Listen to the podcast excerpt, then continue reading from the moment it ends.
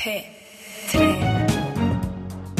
Dette, dette Lørdagsrådet med Siri Kristiansen. P3. I dag så skal vi møte et lykkelig par til en forandring. Ingen har det så bra som oss, tuller de ofte med når de er sammen. Og dette har de tullet med nå i fire deilige år. Så hvorfor kontakter de egentlig Lørdagsrådet?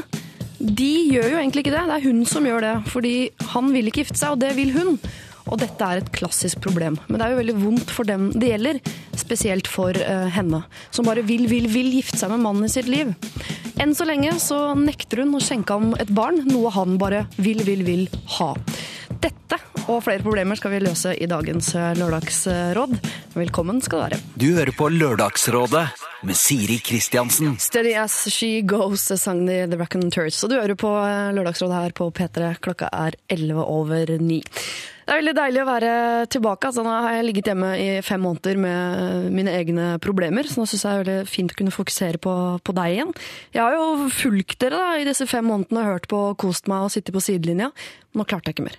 Nå måtte jeg tilbake. Jeg måtte liksom brette opp armene og ta litt eh, ansvar. Jeg skulle ønske at jeg kunne ha med meg Benedicte Wesselholst, at vi kunne lede dere gjennom livet sammen. Men uh, det er det ikke lisenspenger til. Fortvil ikke, hun kommer helt sikkert tilbake straks jeg blir sjuk, eller en av de hundre ungene jeg driver og presser ut i samfunnet for tiden. Så det kommer til å skje. Men Jonas er fortsatt her som tekniker med ny sveis.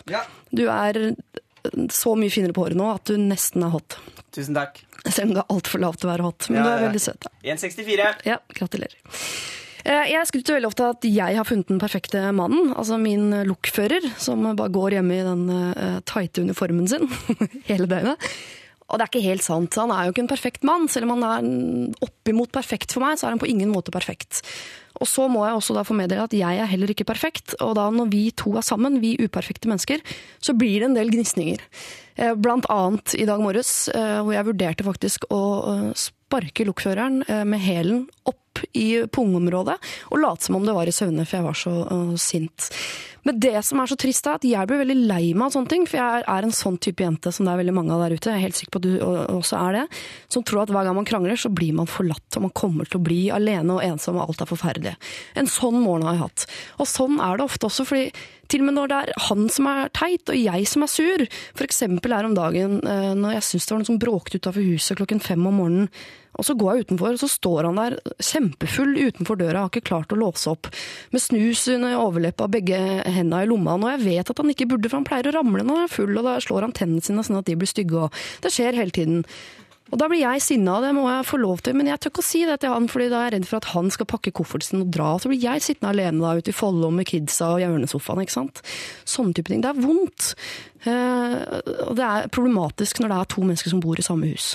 Men det er ikke meg eller han det skal eh, handle om, fordi eh, jeg vil jo ha dine problemer. Så hvis du har et eller annet problem med kjæresten din, eller broren din, eller sjefen din, eller et eller annet, så må du dele det med oss. Du hører på Lørdagsrådet med Siri. Da er Lørdagsrådet i gang, og det er eh, med stor glede at jeg kan si god morgen til eh, Lars Berrum. Jo, takk skal du ha. God morgen til deg òg. God morgen, Kari Slottsveen. Hei, god morgen. Og Henriette Brusgaard. God morgen.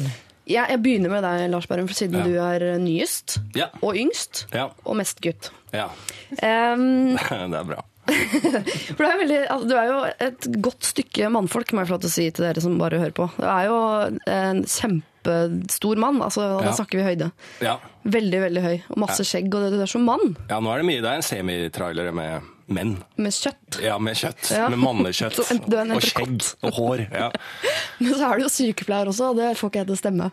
Unnskyld, det er Ja. veldig gammeldags av meg å si, men Ja, ja men det er, det er sikkert flere som deler den meningen. Men eh, jeg er da søster. Jeg er søster Lars, selv om jeg er en semitrailer med menn. Så er det, det er fort gjort. Eh, Det blir sånn, og det, er, det, og det gjør meg enda mer mandig, tror jeg. Jeg tror det er det som gjør meg ennå at jeg er sykepleier og så mann. fortsett å tro det, du. Ja. Men eh, jeg, du er jo på radio og masse overalt på standup-scener, Ja. og på internettet har jeg sett deg også. Ja, ja, ja, dukker opp der. Har du tid til å drive og sette sprøyt og vaske folk? Eh, Ja, jeg holder det ved like. Du gjør det? Ja, ja, ja. Det, jeg, det har jeg lyst til. Man har jo, det er jo på en måte, det er jo et kall, ikke sant, sykepleier, for de som ikke veit det. Ja. Så er det, det er det, man møter på en måte Lady with a lamp i en drøm, og så begynner man som sykepleier fordi man er keen på å redde verden. Ja. Eh, og det gir man seg ikke bare med fordi at man får smaken på eh, media og eh, standup og sånn type drittyrker, da. Ikke Nei, sant? Andre ja. bare forlater jobben sin, eh, men vi sykepleiere har litt mer integritet enn det. Litt mer hva Jeg greier ikke å si ordet, men jeg, derfor sa jeg det fort. Og så bare forsvin- integ- Har du ikke hørt det ordet før? in- Ikke med den integritet. R-en så tidlig i ordet, det var jeg innrømme. Det. Og er jo en annen ting med sykepleiere, at det er ikke de, det er ikke de, med, det er ikke de smarteste. Så derfor er det ofte at vi ikke greier å si integritet. Ikke sant? For jeg gjorde nemlig det siste. Jeg jobbet som pleieassistent på sykehjem. Og så forlot jeg det for media, standup, TV og andre sånne drittyrker. Ja, så da hadde ikke du møtt Lady with a Lamp, Nei. Nei. som er et uttrykk jeg overhodet ikke forstår, men som jeg nå har Det Florence omfavnet som mitt Nightingale, eget. da. Det er Florence Nightingale som er på en måte. Ja. Ja visst. er det. Ja. Se her er, det her er Du skal ikke føle deg som en dummeste i rommet nå, sykepleier Lars. Nei, nei, nei. Nei. Jeg vet fortsatt ikke hva dere snakker om. Florence Nightingale. Ikke sant? Ja, det er jo altså eh, Nobels ja, fredsprisvinner. ja, ja, ja, si det. Hun er jo alle sykesøstres mor. Stemmer. Søster Berrum har jo helt rett. Det er mammaen til Lars. Det er, eh, På mange måter. Det er det, helt, helt klart.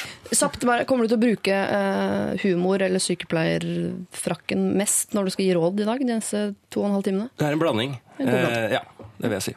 Ja. Henriette Brusgaard, eh, vært rådgiver hei, mange ganger her i Lørdagsrådet. Eh, kjapt oppramsing. Jobbet i Oslo TV, spilte i Annie, det må jeg alltid ha med. for det er fint. Ja, det var ni år, bare så det er sagt. Og spilte film hvor du ble drept. Eh, nei, det ble jeg ikke, faktisk. Jeg Nesten, drepte. Du, men du døde du ikke? Nei. Er du hun ene som overlevde? Jeg er hun en som overlevde. Da må jeg se rovdyr flere ganger, for jeg husker deg veldig godt som Jeg skjønner død. hvis du spolte igjennom, for den er jo ganske ekkel.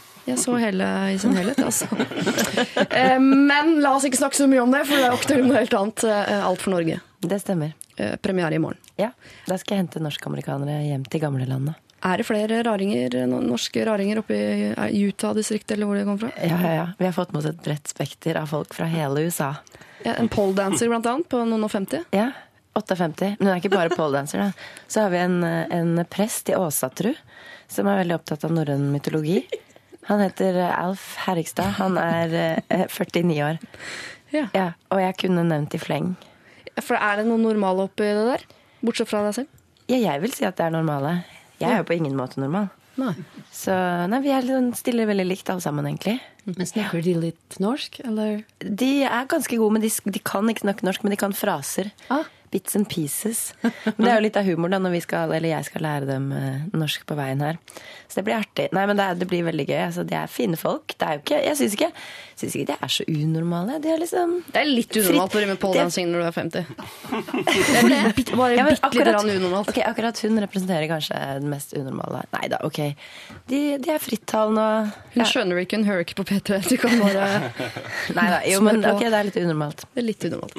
Men du er forsidepike på Stella om dagen også? Det er, eller en som ligner på meg, som jeg pleier å si. Jeg synes du Kjenner du deg ikke selv igjen? Så det er jo godt retusjert og mye sminke. Ja. Men hun er pen, hun. Du ser kortere ut, selv om det er veldig rart, for du er jo ikke helfigur. Du ser lavere ut. På forsiden. På fors- ja, er Klarer du å få det ut av forsiden av hodet mitt? Det- At jeg ser lavere ut? Du ser lavere ut, ja. Ja, jeg er på en måte trykket litt sammen. Ja, Når Når du sier det, så det kan jeg være enig. Litt sammentrykt. Litt bredere i ansiktet og litt Ja. kort. Ja, kanskje når du sier det. det- Det er en rar måte å retusjere på. Det Ta Trekk litt i sakene på hun der. Ja. Men Men det er sant, jeg har kanskje litt sånn lengre kinnbein. jeg. Litt sånn, at man får litt sånn lengre inntrykk av meg i virkeligheten. Nei, jeg har ikke det. Er det noen gutter som fortsatt hører på? Ja, må, må jo sitte her. Men altså sånn når, når jeg, jeg får masse meldinger om dagen, veldig hot på forsiden av Stella osv. Og, Ja. og jeg merker at jeg kan liksom ikke helt ta det til meg. For det er jo ikke sånn jeg ser ut når jeg står opp, liksom.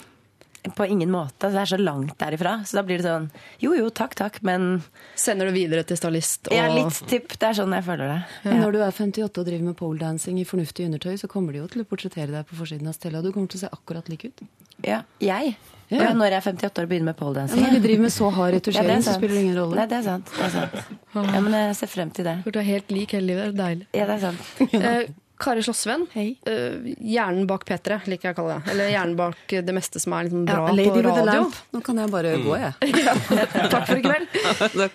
Kan vi si det så Er det noen punkter du vil ha med fra karrieren så langt? Nei, egentlig. Ved Helgeland, som vi holder på med nå for tida, i P1 er nominert til årets radionavn. Yes. Ja, gratulerer. Er det ikke sånn man skal drive og si da, for at folk skal stemme på programmet? Det er veldig tidsriktig. Ja, jeg har lært det nå. Mm. Men du, har jobbet, liksom, du er liksom forbilde for veldig mange som jobber i radio, for du har jobbet med nesten alle. De, de fleste, og i hvert fall kanskje de beste. Er det noen du savner? Er det noen liksom du skulle ønske? Kunne du lagd eh, radio med kongen, for eksempel? Nei, ikke med kongen. Men det er så mange Nei, det tror jeg ikke. Jeg er ikke sikker på om det hadde vært sånn eh, Kanskje kongen skal være konge. Um, og sånn, kongen din. Ja. Men, han, eh, men det er jo det har, det har jobbet med mange opp igjennom, og kunne godt tenke meg å jobbet med flere av dem en gang til. Ja. Ikke det ganske hyggelig? Og så er, det, så er det så gøy med radio, fordi det dukker jo opp eh, nye folk absolutt hele tiden. Som plutselig har, eh, sier helt annerledes ting og har helt annerledes hoder. Så jeg tenker at det hadde vært morsomt å jobbe med noen som kanskje er helt eh, nye også. Ja. At, eh, og at det er veldig bra å ha lag når du jobber sammen som har veldig forskjellig alder. Jeg har telefonnummeret til Lars Berrum, Ja. hvis det kunne vært interessant. Søster Berrum. Søster Berrum. Ja. Lørdagsrådet på P3. Da er selve Lørdagsrådet i gang. Kari Slottsveen, Henriette Brusgaard og Lars Berrum, dere skal eh, få lov til å bryne dere på en kvinnes problem. En dame som vil gifte seg, og har sammen med en mann som ikke vil gifte seg. Kjære kloke hoder, skriver hun. Samboeren min og jeg har det kjempefint sammen. Vi har vært sammen i fire år og er enige om at det skal bli oss to. Vi tuller ofte med eh, å si til hverandre at ingen har det så fint som oss, men jeg har kjempelyst til å gifte meg. Det vil ikke han. Og her har diskusjonen låst seg fullstendig. Jeg har prøvd å forstå hans argumenter, som er at han ikke tror på Gud, det er mer stress enn gøy, og at folk bare gifter seg for å bevise hvor glad de er i hverandre for alle andre, og at det er et spill for galleriet. For meg så kjennes det som om han nekter meg det største i verden. Jeg kunne selvfølgelig ha tenkt meg et stort bryllup, men jeg er villig til å inngå et kompromiss. Faktisk er jeg villig til å la det hele koke ned til et besøk på tinghuset og en gullring på fingeren, slik at det skal passe bedre for han. Uten Gud, stress eller større beviser for venner og slekt. Det går ikke en eneste dag uten at jeg ser en giftering, og det minner meg daglig på at dette kommer jeg aldri til å få. Det hele gjør at jeg syns han er urimelig mot meg, så da blir jeg urimelig tilbake og sier at eh, vi ikke kan få barn før vi er gift. Det er han som ønsker seg barn sterkest av oss to, og her står situasjonen låst. Han syns det er rart eh, at jeg vil han skal gifte seg med meg mot sin vilje, men han tvinger jo samtidig meg til å være ugift. Er ikke det like ille? rimer også, denne, dette brevet her. Det er veldig fint. Altså, problemet er, eh, det har det helt sikkert skjønt, hun vil gifte seg, det vil ikke han. Han vil ha barn. Hun gir han ikke barn før de har giftet seg. Og lurer på om hun er urimelig. Det høres ut som Telenor i forhandlinger med Putin om oljeboring i Arktis. Det der er jo en slags sånn vaklende maktbalanse. Det er jo, Man kan på en måte forstå angsten for brylluper og giftermål og sånn. Selv syns jeg det er mye hyggeligere å si 'min mann' enn å si 'min sambo'. Ja. Min sambo oser av sånn litt sånn sosialdemokratisk byråkrati, papirer og sånt. ja, og kjæreste blir man på et eller annet tidspunkt for gammel til. Kjærester, og hvis du har drukket litt, så sier du kjæreste, og så er du liksom ikke Du er ikke voksen. Typen, og plutselig har du satt opp musefletter, og så er det liksom helt kjørt. Ja. Men er det ikke like mye byråkrati og papirer i et giftermål? Jo da, det er jo det. Men jeg tenker jeg liker Men jeg har vært gift, og jeg likte det godt, jeg. Ja. Jeg, hadde ikke noe, jeg tenkte ikke så mye på Gud. For vi var ikke medlemmer av kirken. Vi gifta oss på rådhuset. Ja. Eh, Hvorfor tok det slutt? det er ikke noe som har på PC å gjøre. Men det tok slutt. Ja, det gjorde det. Ja. men, eh, men det er jo på en måte et annet kapittel. Ja, hvorfor, hvorfor ekteskap Nei, eller forhold eller er samboerskap tar slutt. Ja. Spørsmålet er jo hvorfor vi ikke kan gifte oss. Han vil være sambo. Hvis hun har lyst til å være sammen med han, så må hun kanskje finne seg i det. Hvis han ikke har lyst til å gifte seg, så må han kanskje se at hun dropper ut. Men er det, dette er jo helt låst nå. Hun altså kniper igjen, vil ikke sette et barn til verden sammen med han. Han vil ikke gifte seg. Altså, de har jo veldig forskjellige ting de ønsker akkurat nå. Det er ingen som får det de vil ha. Jeg er det liksom noen noe lykkelig mulig løsning på det? Jeg syns jo det høres ut som en klassisk 'vi bør inngå et kompromiss'-situasjon. Ja. hvordan kan Eh, nei, jeg syns at han bør la Eller bør eh, gifte seg med henne, rett og slett. eh, for Ja. å erklære sin kjærlighet. Og så bør hun, i etterkant av det, skjenke han et barn. Jeg synes Og så er alt ja. greit. Men hvordan skal vi få han til å bli med? Han nekter. altså Han står fast på eh, noe jeg vil kalle litt sånn typiske argumenter som han kommer opp med tidlig i livet. Sånn, nei, jeg tror ikke på Gud, og det er bare et spill for galleriet. Som jeg, det hører man jo mange si.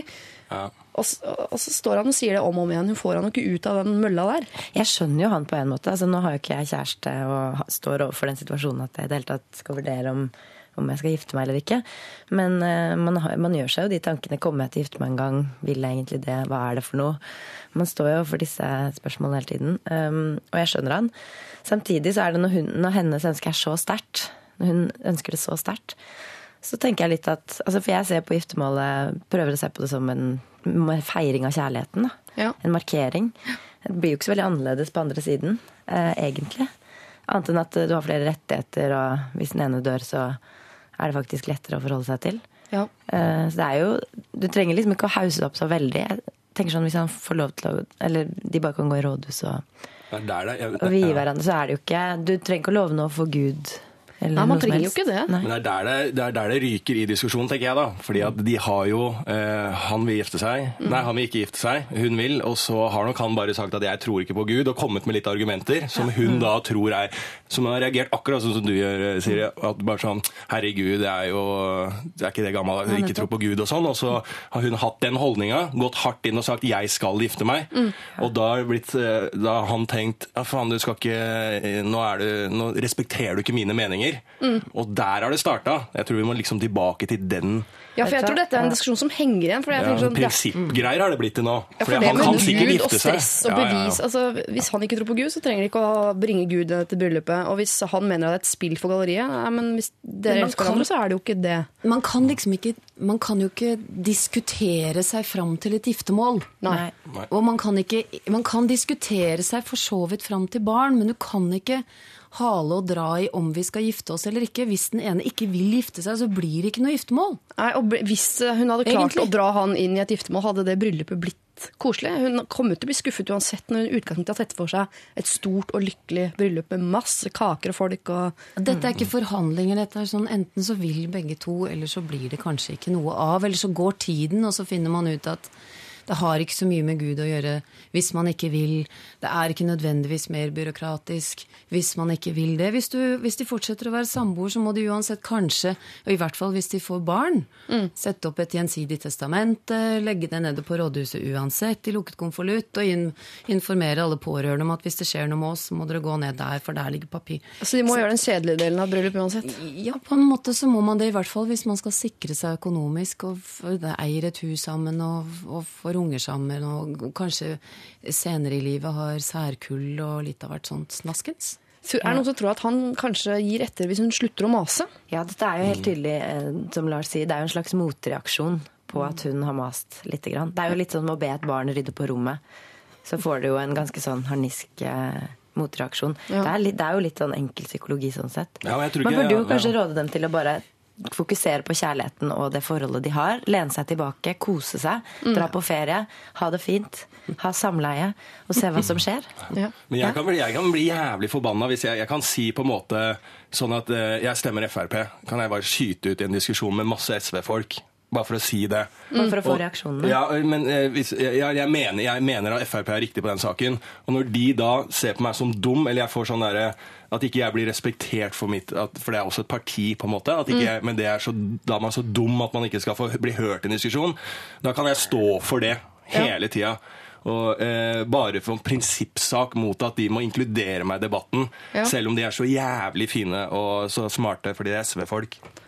Eh, ja, men så mener, så, ja, men sånn typisk Altså, SV-fitter er som sitter og er så jævlig? Ja, de er så bedre enn andre, ikke sant? Og så, Det er jo det som trigger han fyren her. Ja. Han har jo fått den der i trynet, som han kanskje slang ut bare på Gud og sånn, det jeg har sagt også? Og så Ja. sier hun bare fyrer løs mot han, og så blir han sånn Ja, men du må respektere meningen min. Ja. Og hadde hun bare sagt ja, jeg respekterer det, kan vi finne en løsning og sånn, så hadde den vært mye mykere. Men tror du det er for seint? For de har sikkert krangla om dette så mange ganger nå at han Men de, det kan hende at det er skikkelig drittforhold, for de sier at sånn, vi har tulla med at vi har det beste forholdet i fire år.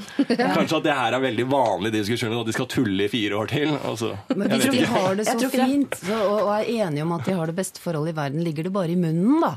Ja, kanskje. Ja. Hvis det da bare ligger i kjeften, så er det jo egentlig Man kan jo ikke fortsette å krangle seg inn, som jeg sa i stad, inn i et bryllup. Nei. Du kan ikke krangle deg inn i en pen kjole. Jeg har vært i et bryllup ja, som var kranglet eh, til bords. Det var ikke et kjempehyggelig bryllup. Det, altså. det var så tydelig.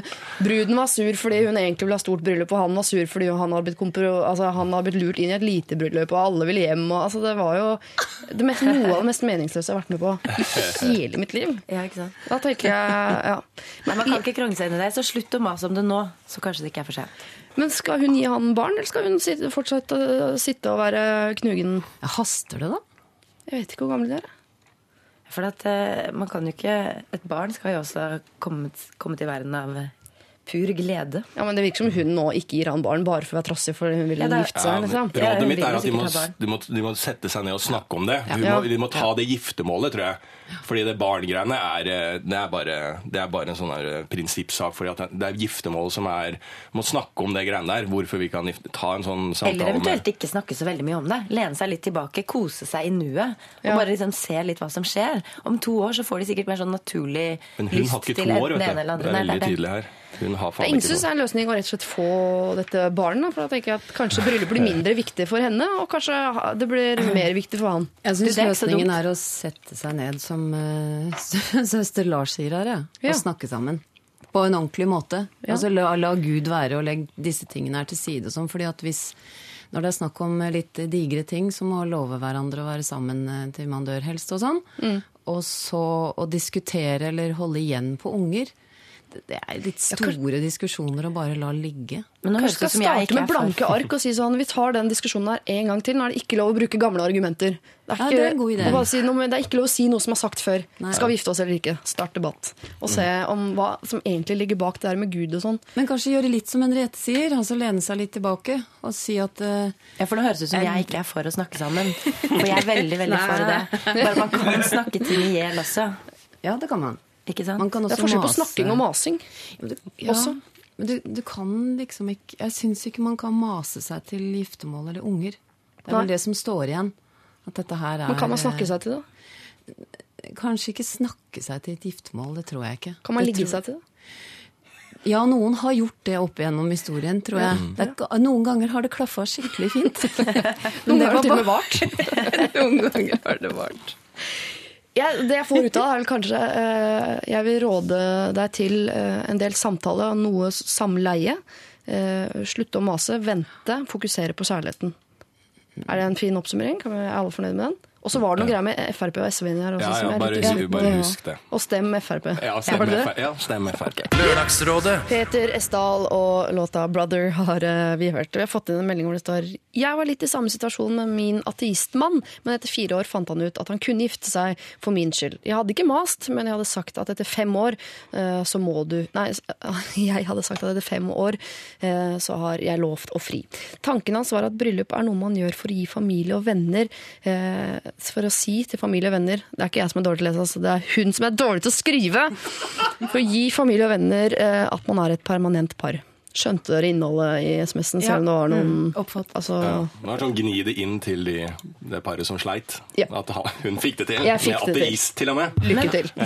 Men mens vi var på, eller mens vi hørte musikk, så sa Kari noe innmari klokt. Kan ikke du si det? Jeg følte det fortjente offentlighetens ører. Mm, Jeg kan si deler av det.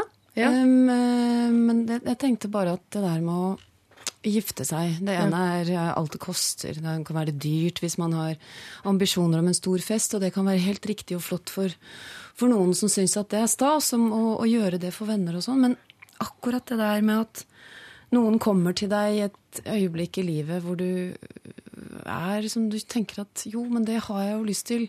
Og så sier han eller henne at har du lyst til å gifte deg med meg? Helt ut av det. Du hadde ikke sett den komme. Og det er jo noe av det fineste som fins. Ja. Akkurat det der, det er det som er bryllupet.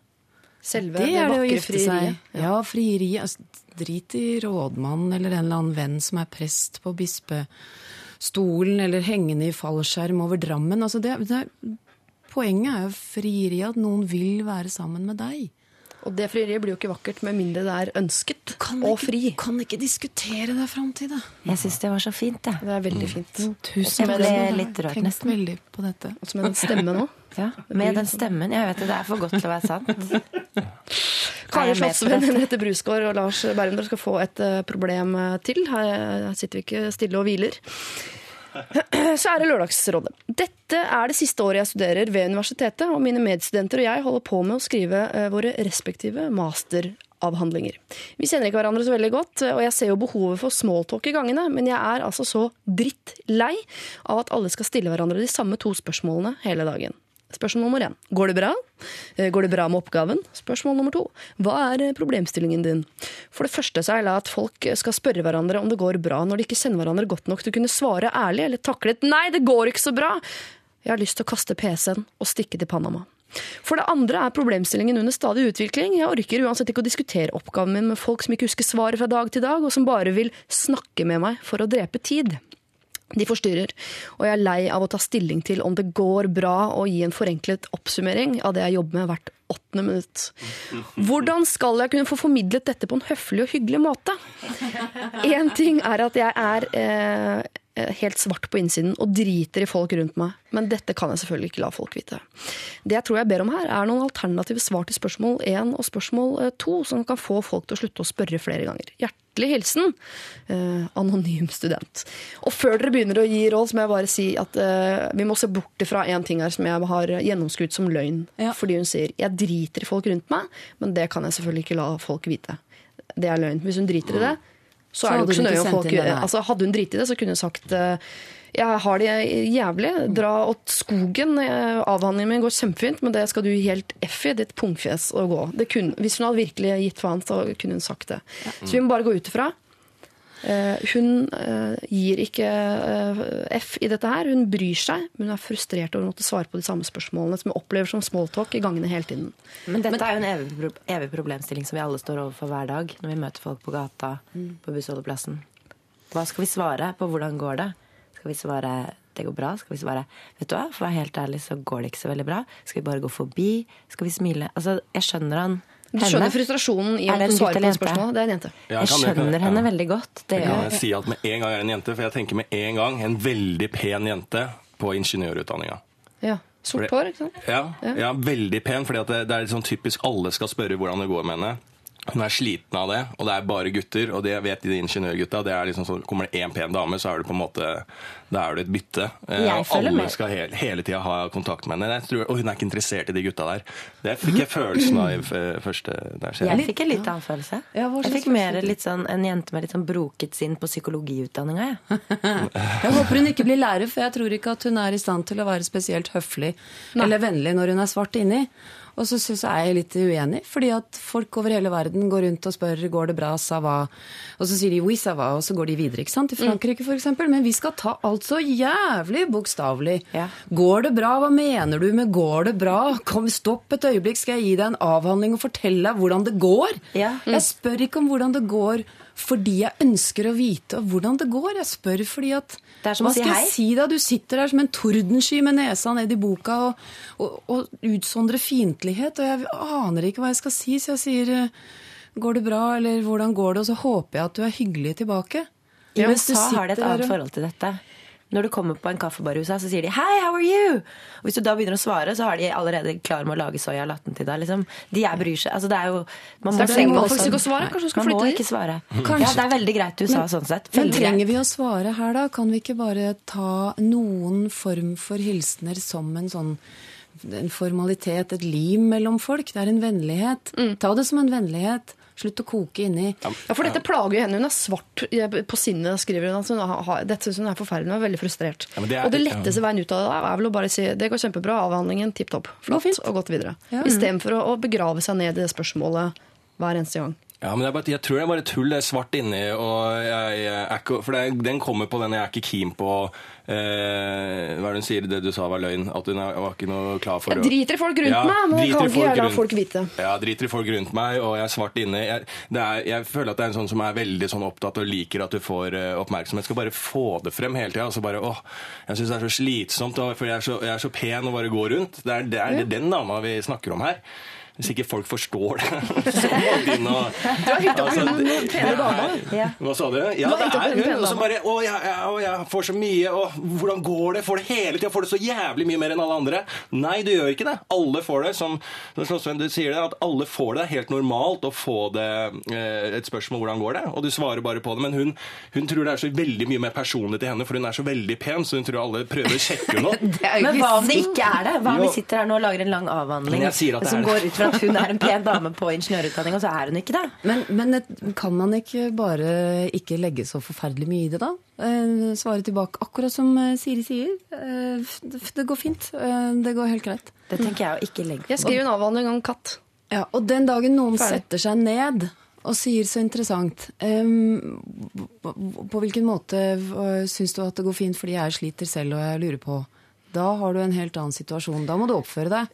Ja, så er hun jo eh, også frustrert eh, over av at eh, folk er jo egentlig interessert i hvordan det går med avhandlingen. tenker jeg, Men prøv å svare på en måte som gjør det interessant. da. Kan du istedenfor for Hun virker jo ganske avvisende i måten å være på, så det er jo ikke rart at folk ikke husker fra dag til dag. For du, hun leverer jo ikke så mye av seg selv antageligvis når hun svarer på disse spørsmålene.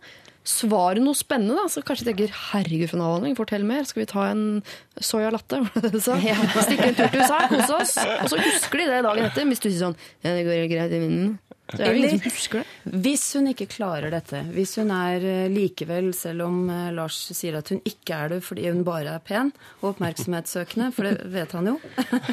Eh, Men tenk om hun ikke er det i det hele tatt. Tenk om hun ikke er oppmerksomhetssøkende. Kanskje hun bare er sliten. Hun har hatt mye å gjøre. Hun holdt på med en master for søren. Ja. Så sett, enten så setter hun opp, hvis hun sitter på lesesal, så setter hun opp på en sånn eh, liten fot, en stor plakat over henne hvor det står 'takk, det går bra'. Det går også fint med oppgaven. Ja. Hei. Eller trykke T-skjorte. Men det kan, man ikke, det kan gi litt feil signaler. Da kan det nesten Men hun gir jo feil signaler allerede. Ja, men jeg tenker sånn, prøv å smile litt, prøv å møte verden litt. Grann. Jeg skjønner ikke Det kan kanskje være litt vanskelig hvis du føler deg svart inni, men det er overraskende, det er overraskende mye som, som skjer idet du på en måte møter noen blikk, sender et smil. Da blir ofte ting litt Det åpner seg veldig mange dører, da. Eller så løser dette seg altså ved neste studiested hvis hun skal videre, eller ved arbeidsplassen. For jeg tenker her, Hun har jo gått inn i båsen sin eh, som hun som er svart til sinns. Og hun vil helt sikkert egentlig ikke være der. Hun vil jo ikke være hun sure. Hun er egentlig jeg tror, ikke, jeg Men tror et hun er misunnelig smil på de andre som går rundt og klarer å svare hyggelig på disse spørsmålene. Ja.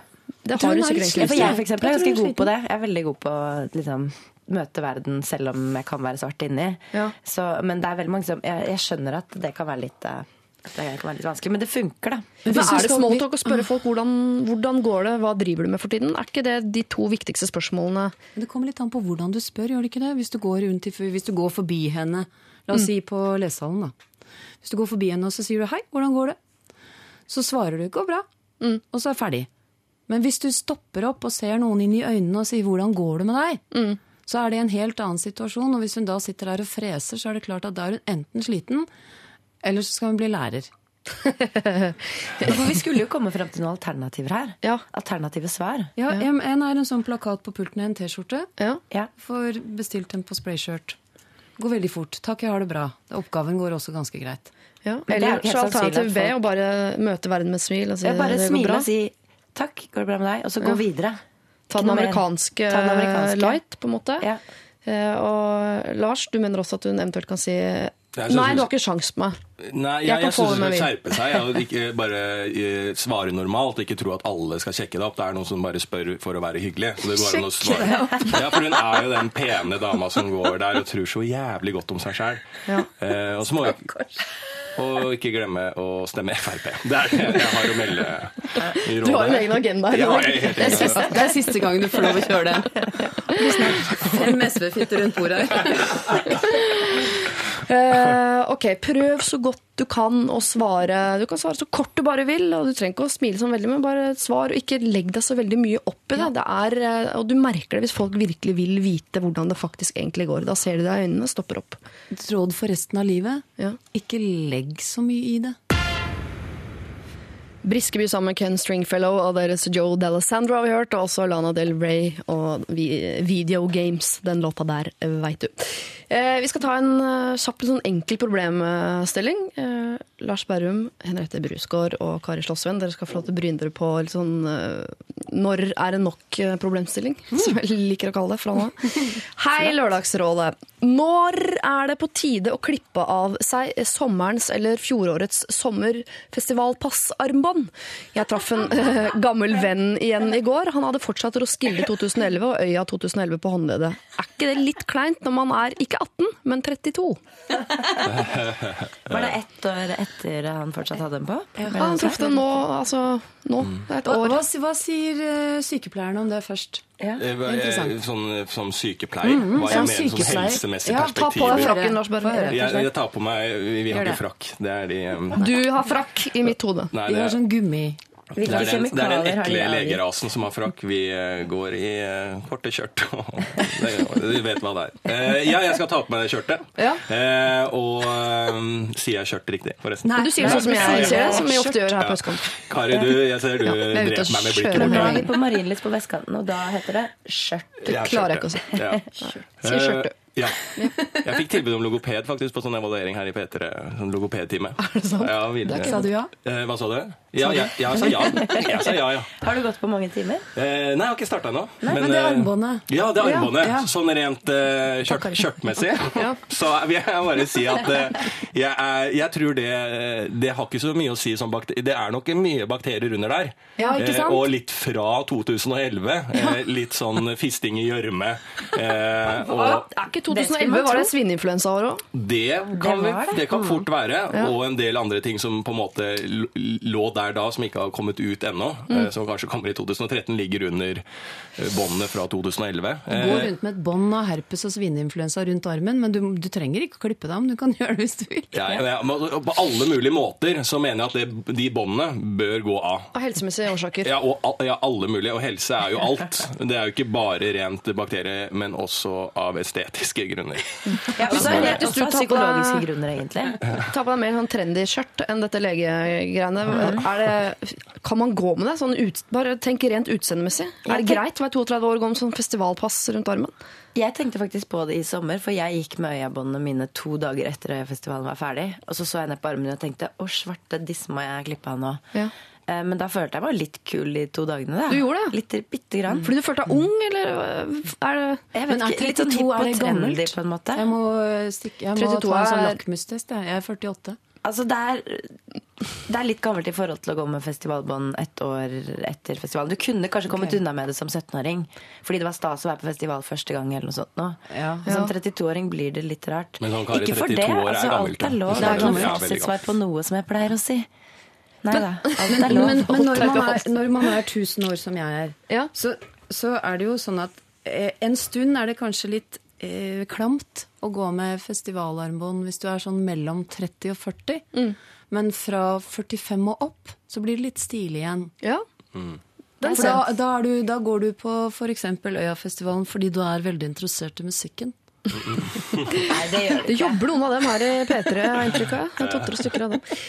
Men altså, jeg tenker når du er 18, så syns jeg også det er greit. For det er, sånn, det er nesten sånn bevis på sånn Jeg er ute uten mutter'n og fatter'n, og det er lite konge. Det er litt sånn Ja. type måte å si fra til verden om det på.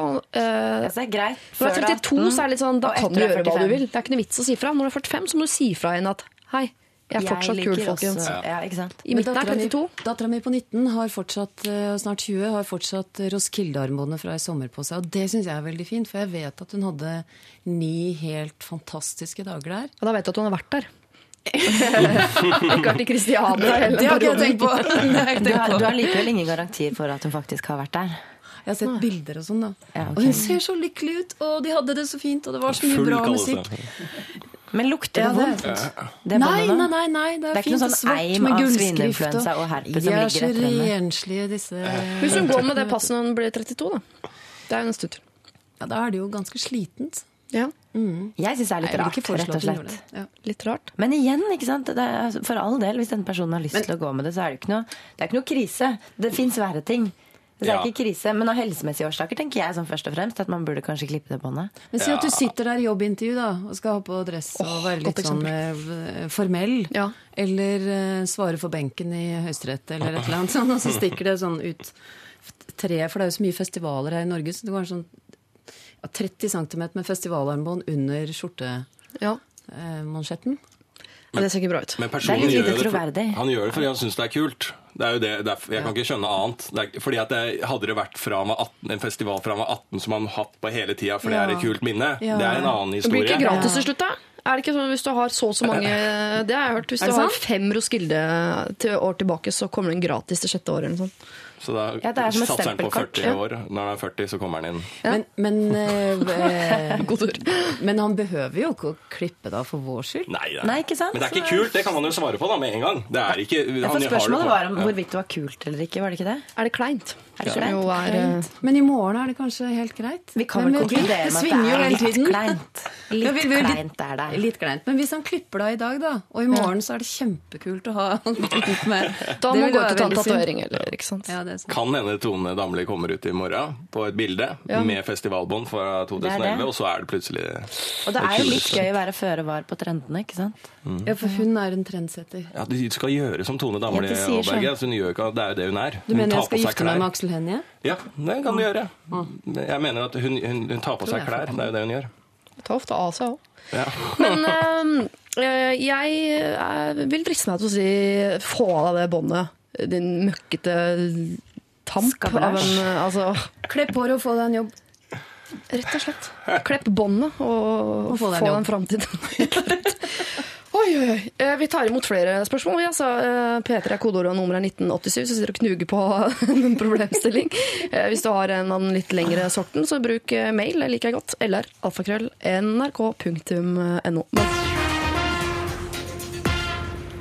We Found Love, Brianna og Calvin Harris. Og det er jo veldig veldig hyggelig. Vi skal prøve å gi nemlig råd til en som har funnet noe som kan minne om eh, kjærlighet. Og vi snakker da annet om sex. Eh, Lars Berrum, Henriette Rusgaard og Kari Slottsveen, hør på dette her. Jeg har nylig blitt singel og tok med meg ei dame hjem en lørdag for noen uker tilbake. Sexen var veldig bra, og hun ser fantastisk ut, men hun viser seg å være litt lokka. Såpass gal er hun at jeg er redd for å sove ved siden av henne. Så hva gjør jeg? Fortsetter jeg å ta henne med hjem og ignorere hennes gale sider grunnet bra sex, eller kutter jeg henne helt ut og venter på en normal dame? Hilsen Lars. Lars? Det er jo ikke deg dette går ut fra, men eh, Nei, nei. det er ikke sånn. Jeg satt i sangen og på blø fra fingertuppene. Med Skal enorm han- fylleangst fra sist lørdag. Benytter anledningen. Ja. Skal han fortsette å kose seg med denne dama som han ikke tør å sove ved siden av? Eh, ja, det er, det er veldig gøy da, at, han, at hun er så loco, eller så gal at han ikke tør å sove. For Mm. man, jeg har også vært vært involvert i damer som er gale. Ja. Eller sånn man opplever at Som sykepleier eller som menneske? Eh, som menneske, og Ja. som sykepleier, men som menneske òg. og, eh, ma- eh, og hatt med altså, Sånn du tenker bare sånn Her er det det her er ikke helt eh, 100% men det gjør litt gøy, det òg. Er det ikke ofte bedre i senga? Folk som syns det er normalt å slenge seg lysekroner osv.? Ja, jo, det, det pleier er, ikke du da på en måte å måtte forholde deg til det når dere er våkne, ikke når du skal sove? Jeg lurer veldig, jeg blir Veldig nysgjerrig på hva det er som skjer, fordi jeg ikke tør å sove ved siden av henne. Det mangler en del opplysninger her, da. Ja, det mangler mange opplysninger. Vesentlige ting. Hvorfor er han redd for å sove? Trekker hun kniv, eller? Ja, for jeg har sovet ved siden av en mann som i søvne lagde veldig mye Takk skal du ha. Som i søvne lagde veldig mye sånn eh, Han spilte tennis, han lagde veldig mye sånn harde tennisbevegelser, og det syns jeg var litt skummelt. Ja. Ergo jeg turte ikke å sove ved siden av han. Ikke sant? Tennis er skummelt på mange måter. Ja. så jeg lurer på eh, Det mangler en del opplysninger her, altså. Det er ikke sikkert han vet altså, Han vet jo tydeligvis ikke hva hun er i stand til å, å gjøre hvis han en dag skulle finne på å sovne etter sex. Han er redd hun vil gå berserk eller Men hun har vel noe uh, farlige øyne altså, Det er vel et eller annet ved hennes vesen som gjør at hun For tenker jeg ville fortsatt å ha sex med henne hvis hun er i våken tilstand, altså ergo når de har sex og ellers, er normal.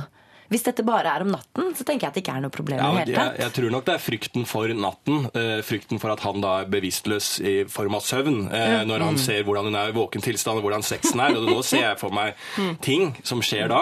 Det, da er det kanskje Det kan være litt eh, instrumenter altså, Da tar hun tak i alt som er, og bare fyrer løs, og det er helt crazy sex. Og kjempebra. Kanskje som kvelesex? Ja, det kan være kveling, og det kan være helt ute.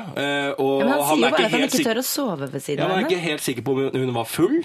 Eller er hun sånn i eh, virkelighet? Altså, Det var én lørdag han har hatt henne, var det ikke? Eh, Nei, eh, Nei, de de har hatt holdt på flere, flere. ganger. Ja. Ok, Så det har kanskje vært edru. Ja, men da er det nok bare at hun er såpass gal i eh, våken tilstand at han er redd for eh, å bare lukke øynene og sovne. Kanskje hun begynner å tyne han litt på det derre hvor, hvor, hvordan er forholdet vårt. Vi har jo forskjellige grenser for hva vi er redde for, da. Altså ja. hvor grensa går. Men hvis øh, hele greia her er vel at du helst ikke skal være for mye sammen med en du ikke å sove sammen med. Ja, det høres jo litt slitsomt ut. Jeg synes det er viktig. ja. Men må han kutte henne ut for ja. å vente på en normal dame, eller kan han kutte henne ut når han finner en normal dame? da? Ja, det er jo også et alternativ. Det er litt slemt, kanskje. Det kan jo hende at hun har følelser òg, at hun ikke bare er en sånn robot med håndjern og, og rare instrumenter og tilbøyeligheter til å gjøre gale ting om natten. Men det kan jo også hende det at hun er en av disse som, som han har sett gjør rare ting når de sover. Ja. Altså et menneske som mister kontrollen i søvn. Og hvis det er snakk om det, så er det, det er jo noe som kan behandles. Ja. Ja, men da må han være såpass forelsket at han er villig til å gå gjennom behandling med henne. Ja. Det er ikke sikkert Ja. de er der ennå. Nei, og det er ikke sikkert at du behøver å tufte et helt liv på sammen med et menneske fordi, eh, fordi eh, hun er bra i senga. Han må jo- på andre områder òg, Jeg tenker Han må kjenne litt på om han liker henne i våken tilstand, til tross for at hun er gæren. Glemme det der med sexen et lite øyeblikk og tenke liker jeg hun dama her godt nok til at jeg kan uh, leve med A, at hun er gæren, eller at jeg liker henne så godt at jeg må bare sørge for at hun blir normal. Eller liker hun så godt at jeg ikke trenger sø- søvn? Ja, Eller er vi, har har vi ligget sammen så mange ganger nå at vi kan ta den samtalen vi må sove på hvert vårt rom. Men er det like gøy å snakke med henne som å ha sex med henne? Kan dere sette dere ned og diskutere oljeboringa i Arktis? er det noe mat her? Er det noe å snakke om her?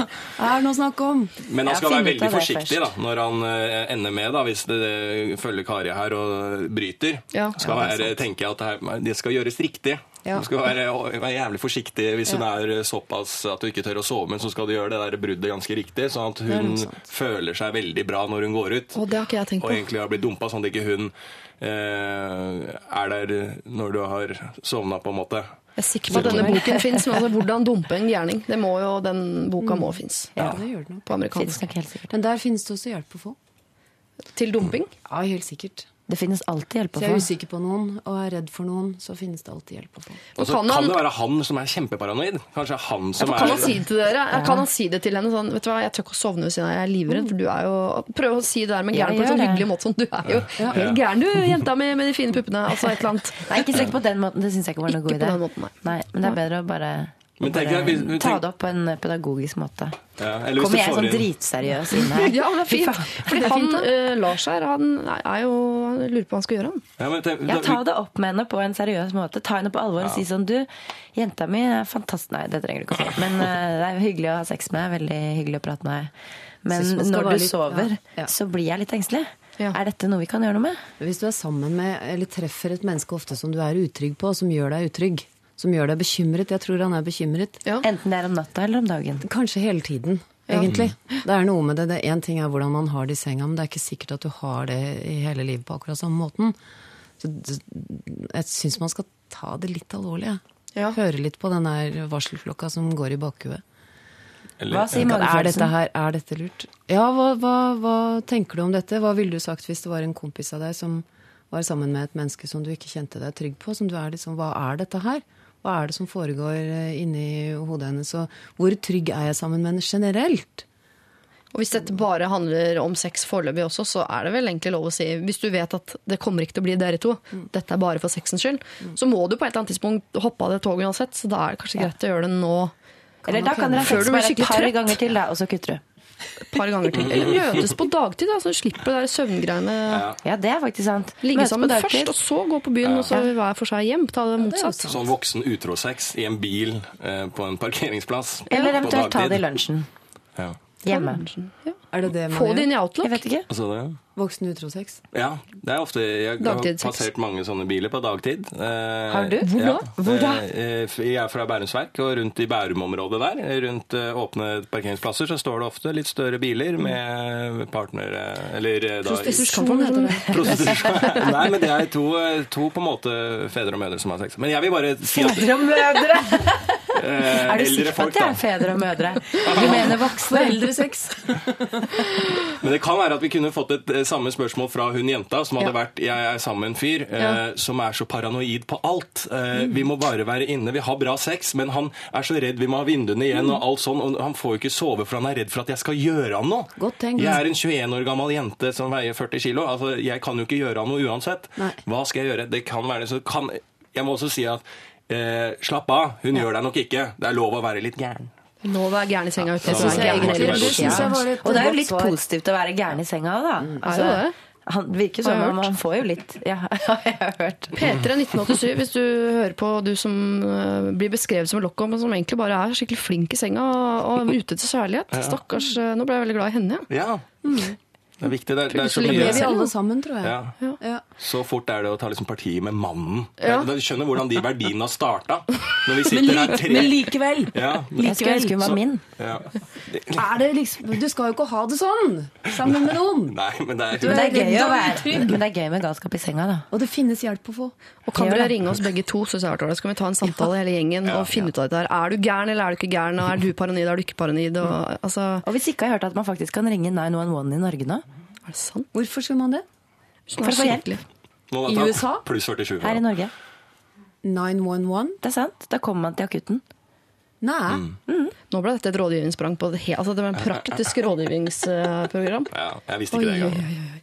Eh, eller Altså, alfakrøll.nrk.no så er mailadressen. Vi skal ringe 911 i eh, pausen. Så hvis ikke vi er her på andre siden av denne New Day-låta, så er det fordi eh, politiet er sure på oss. Fordi vi driver og bølleringer til 911. Jeg beklager på forhånd. Ja, det er jammen sant.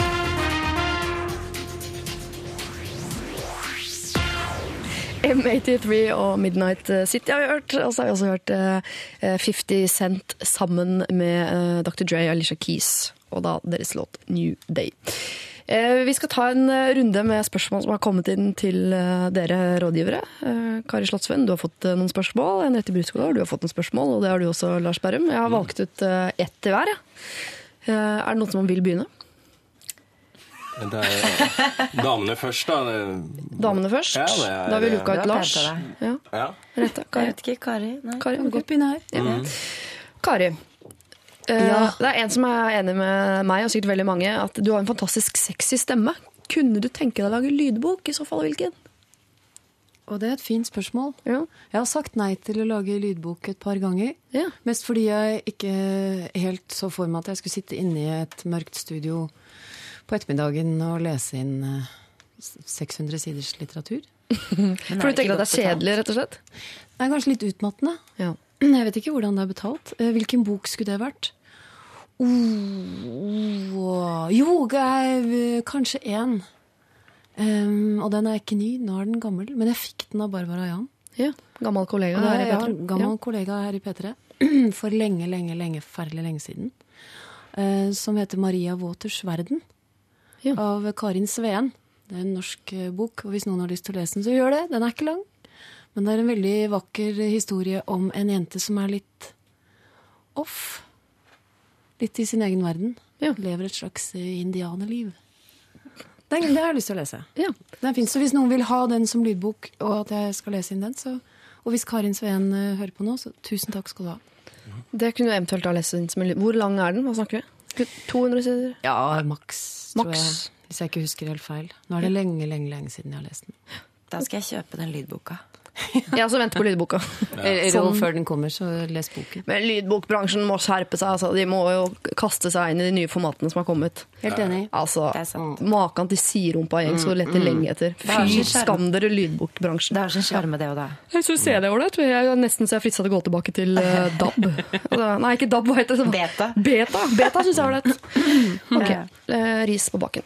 Da tar vi jente nummer to, eh, siden du er så høflig, Lars. Ja, det, ja. Henriette Brusgaard med to u-er og to a-er.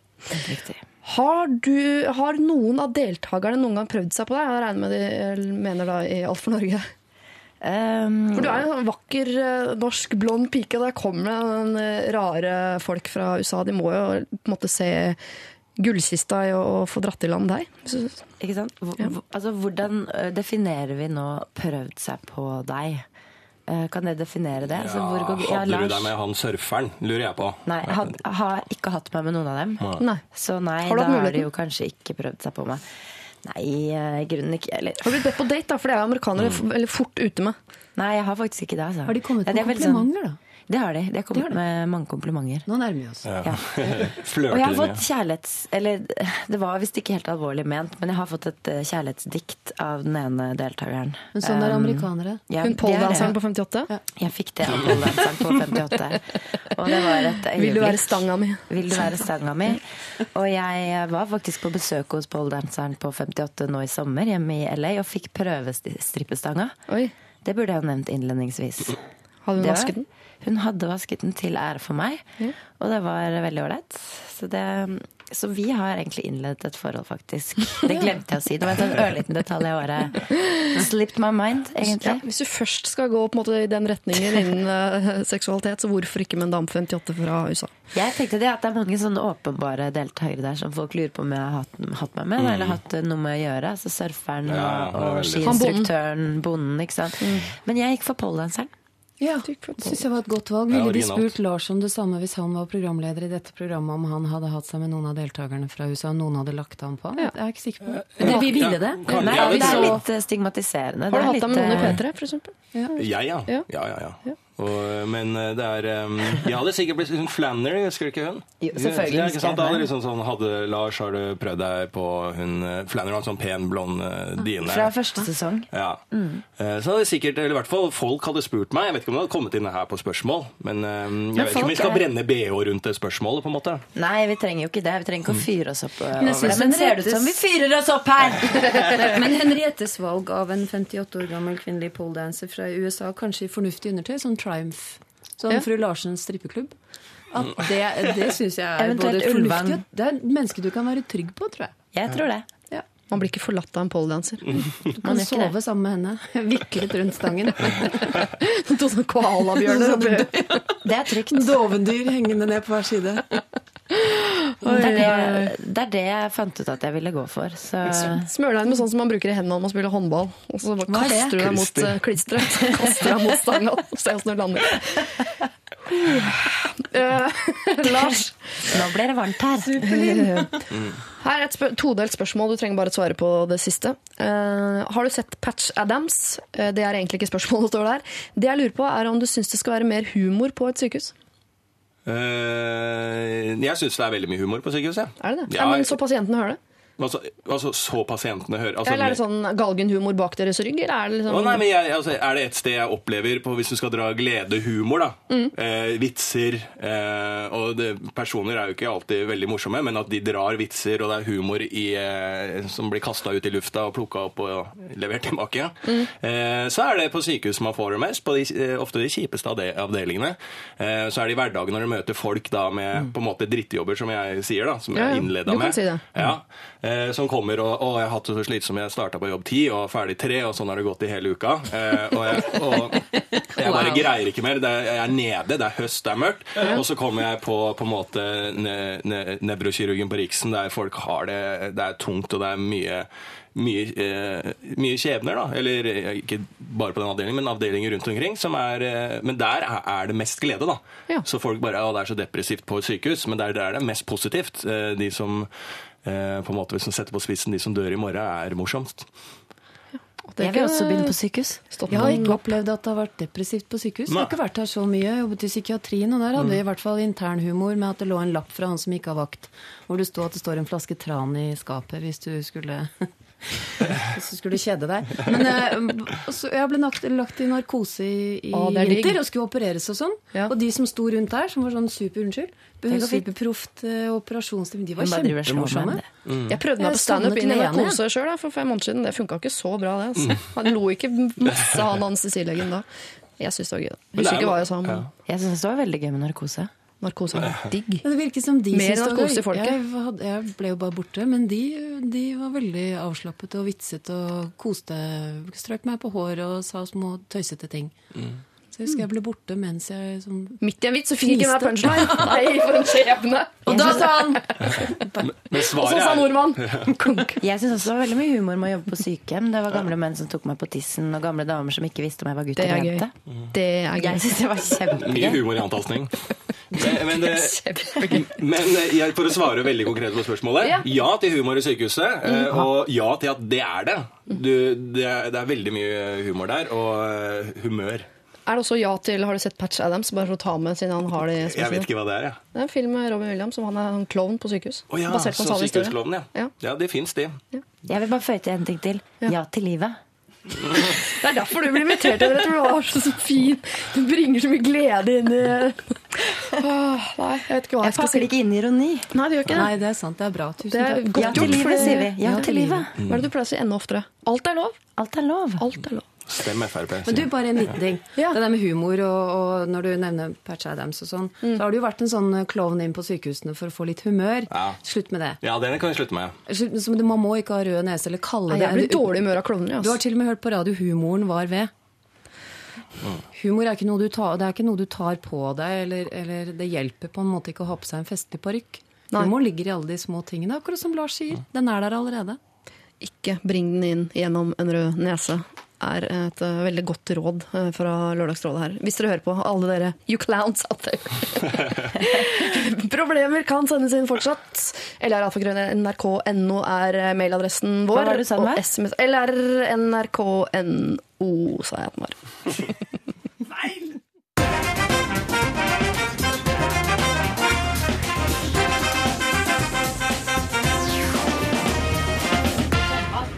House Disaster in the Universe, uh, akkompagnert av Henriette Brusgaard som skriker til Kari Slottsveen 'Du begynner å bli gammel! Var det det du gjorde? Det akkurat det jeg gjorde. Hun gjorde det, hun har sagt det tre ganger! Så til dere som tror at det er hyggelig her i Lørdagsrådet, Hva? Er du altså 48? ikke det. Hold tåta, din ga... Altså, sånn behandler vi hverandre her. Um, apropos det, så skal vi hjelpe en dame som er fanget på en båt med bråkete unger. Oi. Som akkurat nå høres ut som en mye hyggeligere situasjon å være i. Danskebåten. Nei, det er hurtigbåten mellom Finnsnes og Harstad.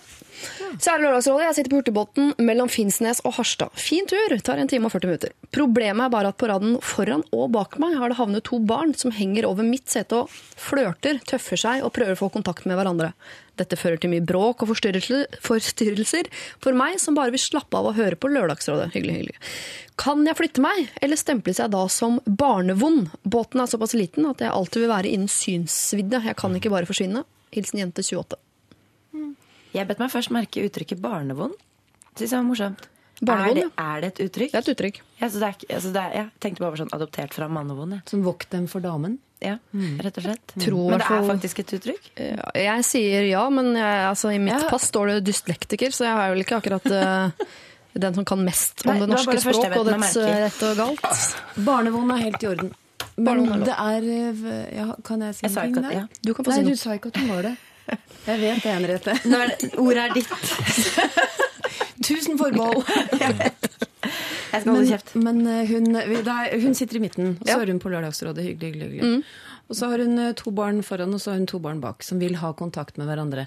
Det er helt i orden. Eh, dame på 28. Ja. Klart moren din. Og eh, Ja, du begynner å bli gammel. Ja. Nå må vi ikke henge oss opp i alle. Alle her din, inne er kjempepene. Også jeg. Vi skal slåss på verandaen. Men grunnen til at jeg sa det, jeg må bare få lov til å si det, det er fordi Kari ser fantastisk Men nå- ut. men nå altså, eller hun ser ikke ut som hun er 48. Det er derfor, altså. Det er ikke fordi jeg sitter og hyller at hun begynner å bli gammel. Nå kan du fortsette. Forkjølelsessår på nesa. Jo, Jeg trodde det var kvise. Trodde jeg òg. Hvor var vi? Hun, har, hun, Vi har hun trenger hurtigbåten hjelp. mellom Finnsnes og Snart er Harstad. hun, snart er hun er fremme. Det er for nå. seint. Vi må forte oss. Hun kan, eh, hun kan helt fint si til de ungene veldig vennlig Det går an å være vennlig mot unger òg. At man Ja, jo, men hvis man har lyst, da. Ja. At eh, Å, det ser ut som dere har lyst til å sitte sammen. Kan ikke jeg få sitte der dere sitter, så kan dere sitte nær de som sitter bak? Åh, Det altså, gjør jo ingenting. det er ikke noe farlig, det.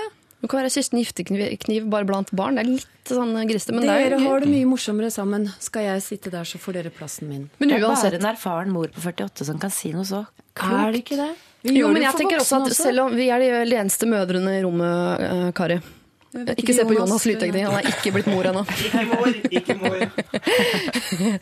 Vi kan si at selv om vi har barn, så vet vi at eh, andres barn er ufyselige mennesker. Så vi, det er ikke noe sånn at jeg ser ned på mennesker som, ikke, eh, som syns at mine barn bråker. Hvis eh, jeg vet at barna mine bråker, hvis ikke du orker å høre på dem, så skjønner jeg det veldig godt. Hadde jeg hatt muligheten til å sitte et annet sted på båten enn mine egne barn, så hadde jeg gjort det. Men den muligheten har ikke jeg. Men du på 28 uten barn, du har den muligheten. Grip den. Carpe diem. Ja, jeg er enig. Kom deg vekk. Ja.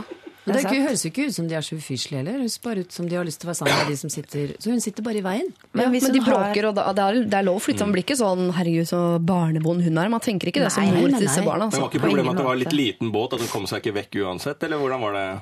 Jo, men hun kommer seg bort fra bråket, men det er, folk vil se henne. Så hun Å, ja. synes liksom det er flaut å flytte seg, fordi folk vil tenke sånn 'herregud, hvorfor flytta du da?' Så kanskje det er flere som hører på Lørdagsrådet, så blir enda flauere når, når hun etterpå flytter seg. det er veldig deilig å flytte seg. seg. Det er kjempedeilig å flytte seg. Det er kjempedeilig Når det er du har reist tatt til deg, og så gjort noe med det, så blir du så glad etterpå. Og da er det bare ti minutter igjen av båtturen uansett. Ja, eventuelt hvis du er altfor flau skal reise deg, så sier du sånn 'åh, røykebein', og så rister du litt i foten. Og så tar du en liten runde, og så setter du deg et annet sted. Ja, ja. Jeg synes det, er, det er jo eh, mødre og fedre eller ja, til disse barna eh, som bør ta ansvar her. Nei, For det synes jo altfor lite, alt for lite på sånne type ting. Jeg satt på toget fra Stockholm for ikke så lenge siden, eh, hjem hit til Oslo. Ja. Eh, og den togturen er jo lang, eh, men da, og da, satt det, da var det unger i den vognen som bare hoppa rundt. Og det er ikke dem sin skyld, de ungene, men på et, det var kontinuerlig på et eller annet tidspunkt. Så må jo den moren som sitter med det, ta den og si til at det er ikke greit. De hører ikke på moren sin, så da må du si det er at du kan gå inn i oppdragerrollen da. For deg hører de på altså, 250 Ja, har- kilo kjøtt. Du må på en måte reise deg og si 'hold tåta'. Da tror jeg de holder kjeft. Det Og mor hadde blitt jeg, fornøyd. Ja. Jeg har prøvd taktikken involvere meg i barna. Jeg er litt forkjøla, så jeg bare Jeg har prøvd taktikken involvere meg i barna på fly og sånn. Begynne å prate med dem. Da føler jeg plutselig litt involvert. Ja. Dermed så blir de litt underholdt. Holder kjeft, blir roligere. Helt og så. Fint. ja, og så legger de seg etter hvert og liksom ja. Men de har jo bare kan lyst til å være sammen. Let the children play, som, som Cat Stevens sang for 100 år siden. ja.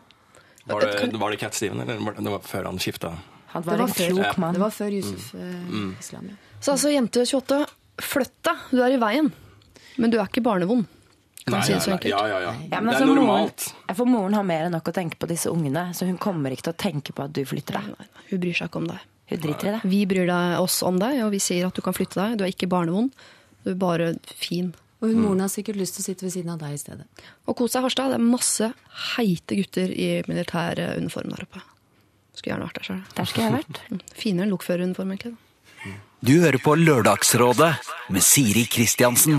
Red Hot eh, Chili Peppers og Aero Plane. Var det for tidlig syns du? Jeg er ikke så glad i å avbryte småunger. jo da. Eh, vi fikk inn en veldig morsom MMS. Det er ikke så ofte vi får her i Lørdagsrådet. Eh, den følger med en tekst. Klapp, klapp, klapp, står det. Så er det bilde av en kjempeplakat av Finn Bjelke og Turi Slottsveen. og eh, Kari Slottsveen, dette er jo en plakat av deg og Finn Bjelke. Det skulle ha et arrangement på Kulturhuset Gleng. Men du har sett det før? Ja, det var, det var fantastisk. Det løftet hele den kvelden. Vi skulle ned og tøyse litt med folk på scenen og fortelle historier og ljuge litt og, og ha litt quiz og litt sånt. Og så var det første som møtte oss, var to svære plakater med Finn Bjelke og Turi Slottsveen. Så jeg gikk på scenen og sa det er jeg som er Turi. Jeg likte det veldig godt, jeg. Men da er på en måte stemningen satt i salen, så da, da kan Ja, du ja, bare ja. surfe derfra ut. Ja, det er veldig fint. Jeg tror muligens at Turi er en eller annen kusine av min far på Lillehammer. Eh, Men jeg husker ikke helt. Kunne Det hun ha tatt eh, showet, tror du? For deg? Ja, ja, ja, helt sikkert. Det var ikke rare greiene, så det. Tusen takk i hvert fall for MMS. Det er ikke så ofte vi får det, så jeg synes det er veldig, ja, men det er veldig eh, gøy å få. Det er en her som også spør hallo der. Jeg og min kjæreste skal på navnfest på Rocken i dag. Jeg vet ikke hvor eller hva det er. Eh, må kle oss ut som noe som begynner på A. Har dere forslag? Tove Laila som spør. Alfakrøll. Kle seg vi lager en alfakrøll sammen, på en måte. Ja. Bare være krøllete. Trill bort, Ja. Aftenposten. Kle seg som Aftenposten. Kan ha sånn plakat eller sånn pappgreie. Amish. Amish er lette. Å, det er, ja, bare ja. kjør på. Amish. Amish er morsomt. Kle seg som Amish, ja. Eller en alfahann. Sånn som Lars, for eksempel. Å være en sånn semitrailer med mannekjøtt. Ja. Full av mannekjøtt. Full av Ja, det er det som er Løsskjegg og løsbrysthår. Ari Ben og mulighet. ja. Oh, slitsomt å være han en hel dag. Stakkars han som må være Anders det hele livet. Hornslien, da. Kan kle seg som Anders Hornslien. Ja. Ja. Det er hva mm, tar man på da? Vet ikke. Skjorte, Briller. Briller. helt vanlige tøy. Ja. Åh, det er deilig. Hvit linskjorte og briller, tenker jeg. Har Beste ja, forkledningen jeg noen gang har sett, var i eh, et fristende å si Karate Kid, bare fordi vi forholder oss til A her, men første Karate Kid-filmen har uh, kledd seg som et dusjforheng. Er det noen som husker den scenen? Nei. Er ingen som husker første scenen Karate Kid 1, hvor Ralph Macchio går rundt og har kledd seg som dusjforheng? Nei. Nei vel. Så dumt at de ikke skal kle seg ut som noe på det. Ja, ikke sant? For Jeg gleder er meg til gøy. neste den festen om fire ganger, når det har kommet til bokstaven D. Da hadde jeg gått på dusjforheng. Men Anna, altså, Anna alfa Nicole Men det Smith. går an. Ja. Salig Anna Nicole Smith er en mulighet. Aretha Franklin er også en, en morsom ting. ja, Det å kle seg ut som en person, det er Ja. veldig greit. Da kan du f.eks. for eksempel også slå opp i telefonkatalogen Arne på A. Arne Næss, ja. En Og sånn, når vi- slags omasj til Arne Næss. Ikke sant? Og når det kommer til det, Ja. så blir det Diana Ross. Åh, Jeg lite har bruke det liksom- Rita Franklin-kostymet, men Det er akkurat det. Bare litt lengre hår. Kledd som aids. Jeg ville kledd meg ut som aids. Det er veldig enkelt kostyme å få tak i. Eh, og så eh, har jeg et ganske stort og vanskelig problemstilling som vi straks skal eh, ta tak i. Og her eh, er vi nødt til å liksom være litt eh, alvorlig, for det er en eh, trofast lytter, jeg har bedt om hjelp flere ganger, som trenger hjelp til hvordan hun skal hjelpe sin stesøster. Hun har nemlig en stesøster som er mye yngre enn seg selv, som eh, sliter med overvekt og skal snart, eller har vel da akkurat begynt på ny skole. Hun er redd for at lillesøsteren skal bli eh, mobbet. Men jeg tenkte før vi tar tak i dette, her, det som er eh, en sånn vanskelig problemstilling, så skal vi høre Florence and the Machine. Dette her er You've Got The Love. Du hører på Lørdagsrådet med Siri. Florence and the Machine, You've Got The Love. Og nå skal vi altså da ta tak i dette problemet som vi allerede har snakket litt grann om. Jeg leser. Trofast lytter søker hjelp. Min mor er forlovet med en mann som har tre barn fra tidligere ekteskap, på 12, 13 og 15. Selv er jeg 23 og har to søstre på 16 og 20. Problemet er at det yngste barnet hans er ei jente med noen kilo for mye. Hun har vanskeligheter for å finne klær, selv om hun bare er 12 år. Hun får ikke på seg klær fra voksenavdeling. Moren hennes kjøper sjokolade, godteri og snacks til henne stadig vekk, og det virker ikke som noen av dem har noe særlig forhold eh, til sunt kosthold. De har heller ikke noe eh, forhold til klær og mote, og moren bruker selv bare arvede klær fra sine tanter. Det er jo egentlig irrelevant, men greit. Nå begynner min stesøster på ny skole. Stor skole i høst, og jeg er redd for at hun skal bli mobbet pga. klærne sine og størrelsen. Eh, Jeg vil ikke at problemene hennes med vekt skal utvikle seg til det verre heller, sånn for helsen sin skyld. Så hva kan jeg gjøre? Takk for råd, hilsen Ina. Altså Ina har da en stesøster som er overvektig, og jeg er redd for at hun skal bli mobbet nå som hun begynner på ny, stor skole. Er noe hun, har hun makt til å gjøre noe med dette her? Kari? Det aller første jeg tenker Oi, Ja, nei, Henriette. Jeg blir så ivrig. Ja. Kast deg i det. Det aller første jeg tenker, er at hun burde snakke med moren til stesøsteren. Ja. Eller altså, ste, for det er ste, altså, eller, faren, det er han som er gift med moren hennes. ikke sant? Ja. Ja, snak, snakke, snakke med faren til stesøsteren og si at hun har tenkt litt på dette her. eh, og lurer på han, om han har noen tanker om det. Om Ja. han har tenkt noe på at eh, dette er et aspekt som kan ha noe påvirkning på livet hennes framover. stort ansvar for henne å ta, da. På en måte. Men jeg, jeg tenker også at hvis er dette her en Det er jo igjen så er det en del ting vi ikke veit. Er det en tolvåring som har hatt problemer på skolen før? Har hun vært mobbet før? Er det en grunn til at hun er bekymret? For du vet godt at du har vokst opp med unger som har vært i alle fasonger med alle slags typer klær. Det der er også et poeng. Som har hatt det helt fint som har fungert godt. Sånn at det er ikke noe automatikk i at du blir mobbet fordi du er tjukk og går i arva klær. Og så er det et eller annet her, men min bekymring er mer at eh, det er, hvis det er bekymring for helse, så er ikke det noe bra for en, en jente som skal inn i tenårene med hormonsirkus og, og sånn. Hvis det er skikkelig dårlig kosthold hjemme, så er det igjen dette her med at jeg syns det er litt trist. Og så er det veldig fint å høre at hun er bekymret for eh, stesøsteren sin. Det ligger mye god, god omsorg og kjærleik i Ja. det. Ja. Det, Det er virker jo som hun har en veldig fin familie rundt seg. Allerede der så er vi vel godt på vei i at dette her kan gå bra. Men bekymringen syns jeg er helt sånn reell, for det vi vet er at hun har gått på en liten skole. Det, jeg har bare ikke lest det høyt. En liten skole som blir lagt ned og flyttes nå over på en stor skole med masse elever. Og der Ja. vet vi at der florerer vel mobbingen i større grad.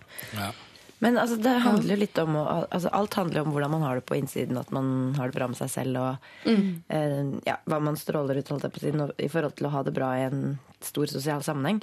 Så jeg vet ikke hva altså, Det er jo et stort ansvar, som Kari sier. Så jeg vet ikke helt hva hun skulle gjort. Men hun kunne jo på en måte bare rett og slett det At hun bryr seg i det hele tatt. Bruke tid på henne.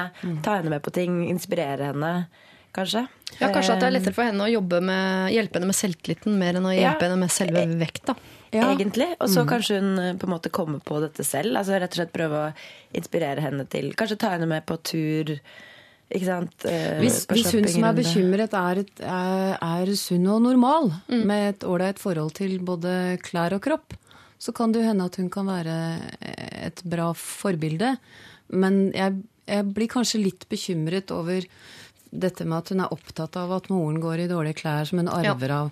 Det, Ja. jeg, det er jeg helt enig med deg i. Det er litt irrelevant. Vær litt forsiktig med det der med hvordan vi kler oss og hvordan vi ter oss hele tiden. Og så er det så fryktelig mye mas om hvordan man skal se ut eh, om dagen. Vi er en generasjon eller et par generasjoner med særlig kvinner som, som maser og maser og maser om vekt og om karbohydrat til helvete og om proteiner og om trening. Og vi har 12-13-åringer som trener mange ganger i uka for å holde kroppsfasongen sin før de går inn i tenårene og møter det der Før de får kroppsfasong. Før de får kroppsfasong. Jeg synes man, det, det er så mange ting her. Det er veldig viktig at det ikke er fokuset, men jeg er helt enig at jeg kan skjønne problemstillingen med at å da sende en person som ikke nødvendigvis har så god selvtillit, inn i ulveflokken på ungdomsskolen, hvor fokuset er det, så skal du være ganske sterk for å stå imot det presset. da.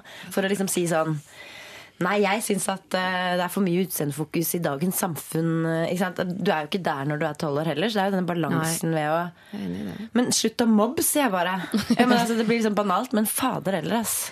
Men kanskje hun skal følge med framover nå på om altså Man merker jo hva slags type personer som vil kunne takle eh, å få reaksjoner på eh, vekt og utseende og alt dette her, og hvem som kommer til å altså, slite veldig med det. Hvis hun er en ekstremt sterk tolvåring. Men hvor gammel er hun, hun som skriver inn? 23. 23. Da syns jeg det er en alder at uh, da kan du ta opp ting.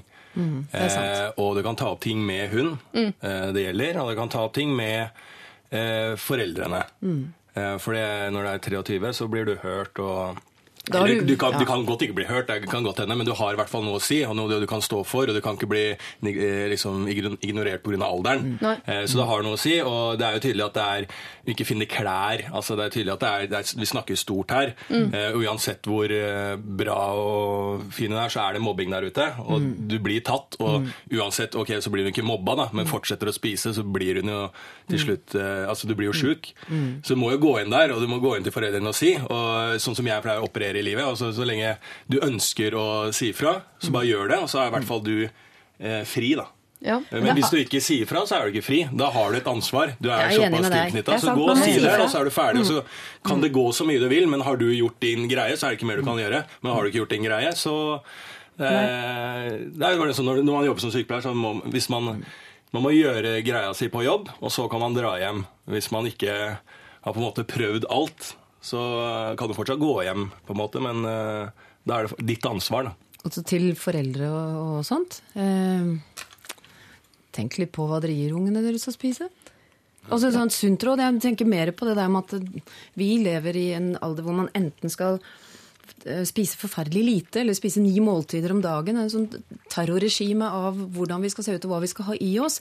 Eller så skal vi kjøpe Supersize Me-tingene med sånn trepakninger med kjeks og, og bli pushet en, en hel pall med cola som koster ingenting utenfor Rimi og sånn.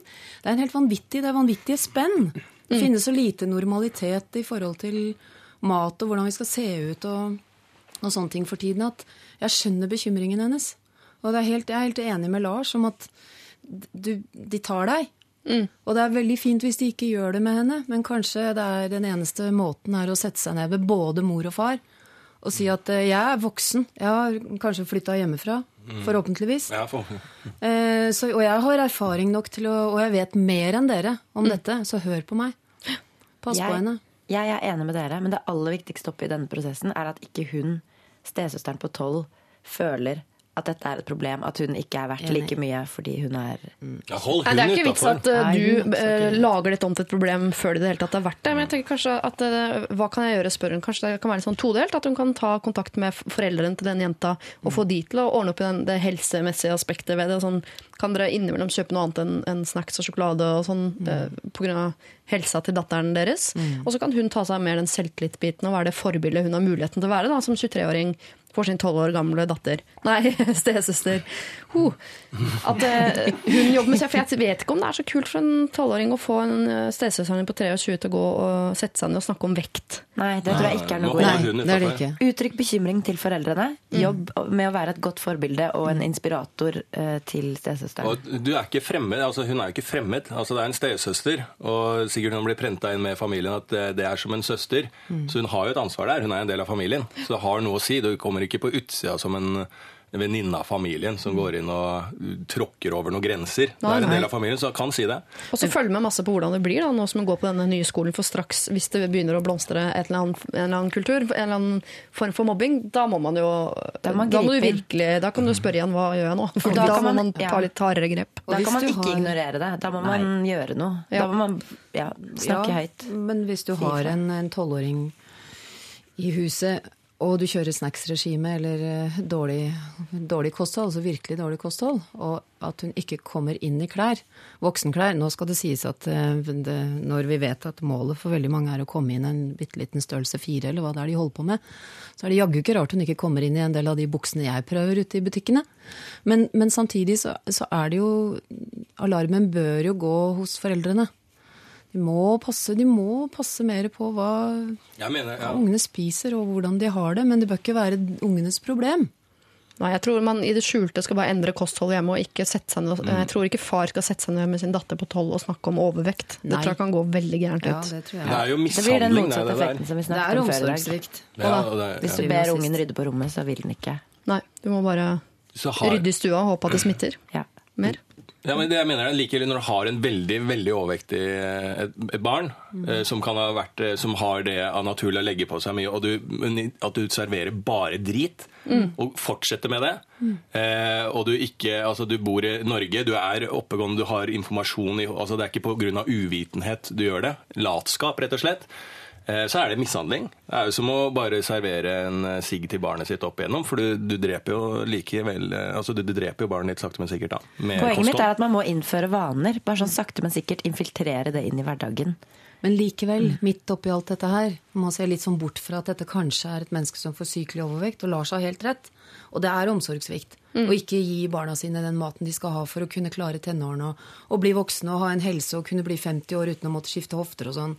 Det er omsorgssvikt. Men samtidig så er det jo et eller annet litt sjukt eh, med, med alt dette her med at vi, er så ekstremt fokuserte på, på hvordan vi ser ut.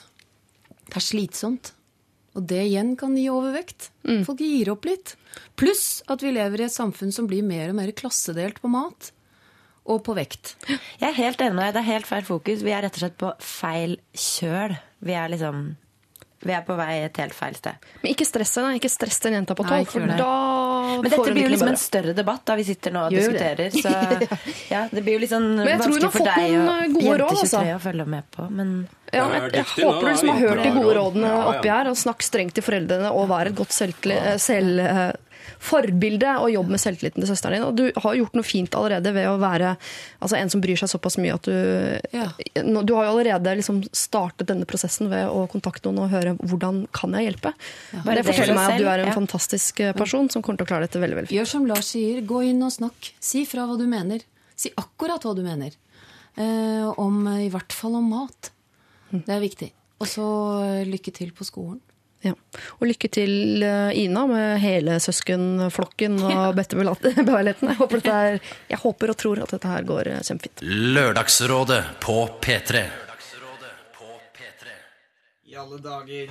Coldplay, Every Teardrop Is a Waterfall. Jeg liker at du kommer med sånne utbruddtekniker, Jonas. Når det det er du som gjør feil, så ikke folk tror at det er jeg som sitter her og knoter. Her var det noe med, ikke som teknikeren hadde råd over. Og var det Coldplay sjøl som fucka opp?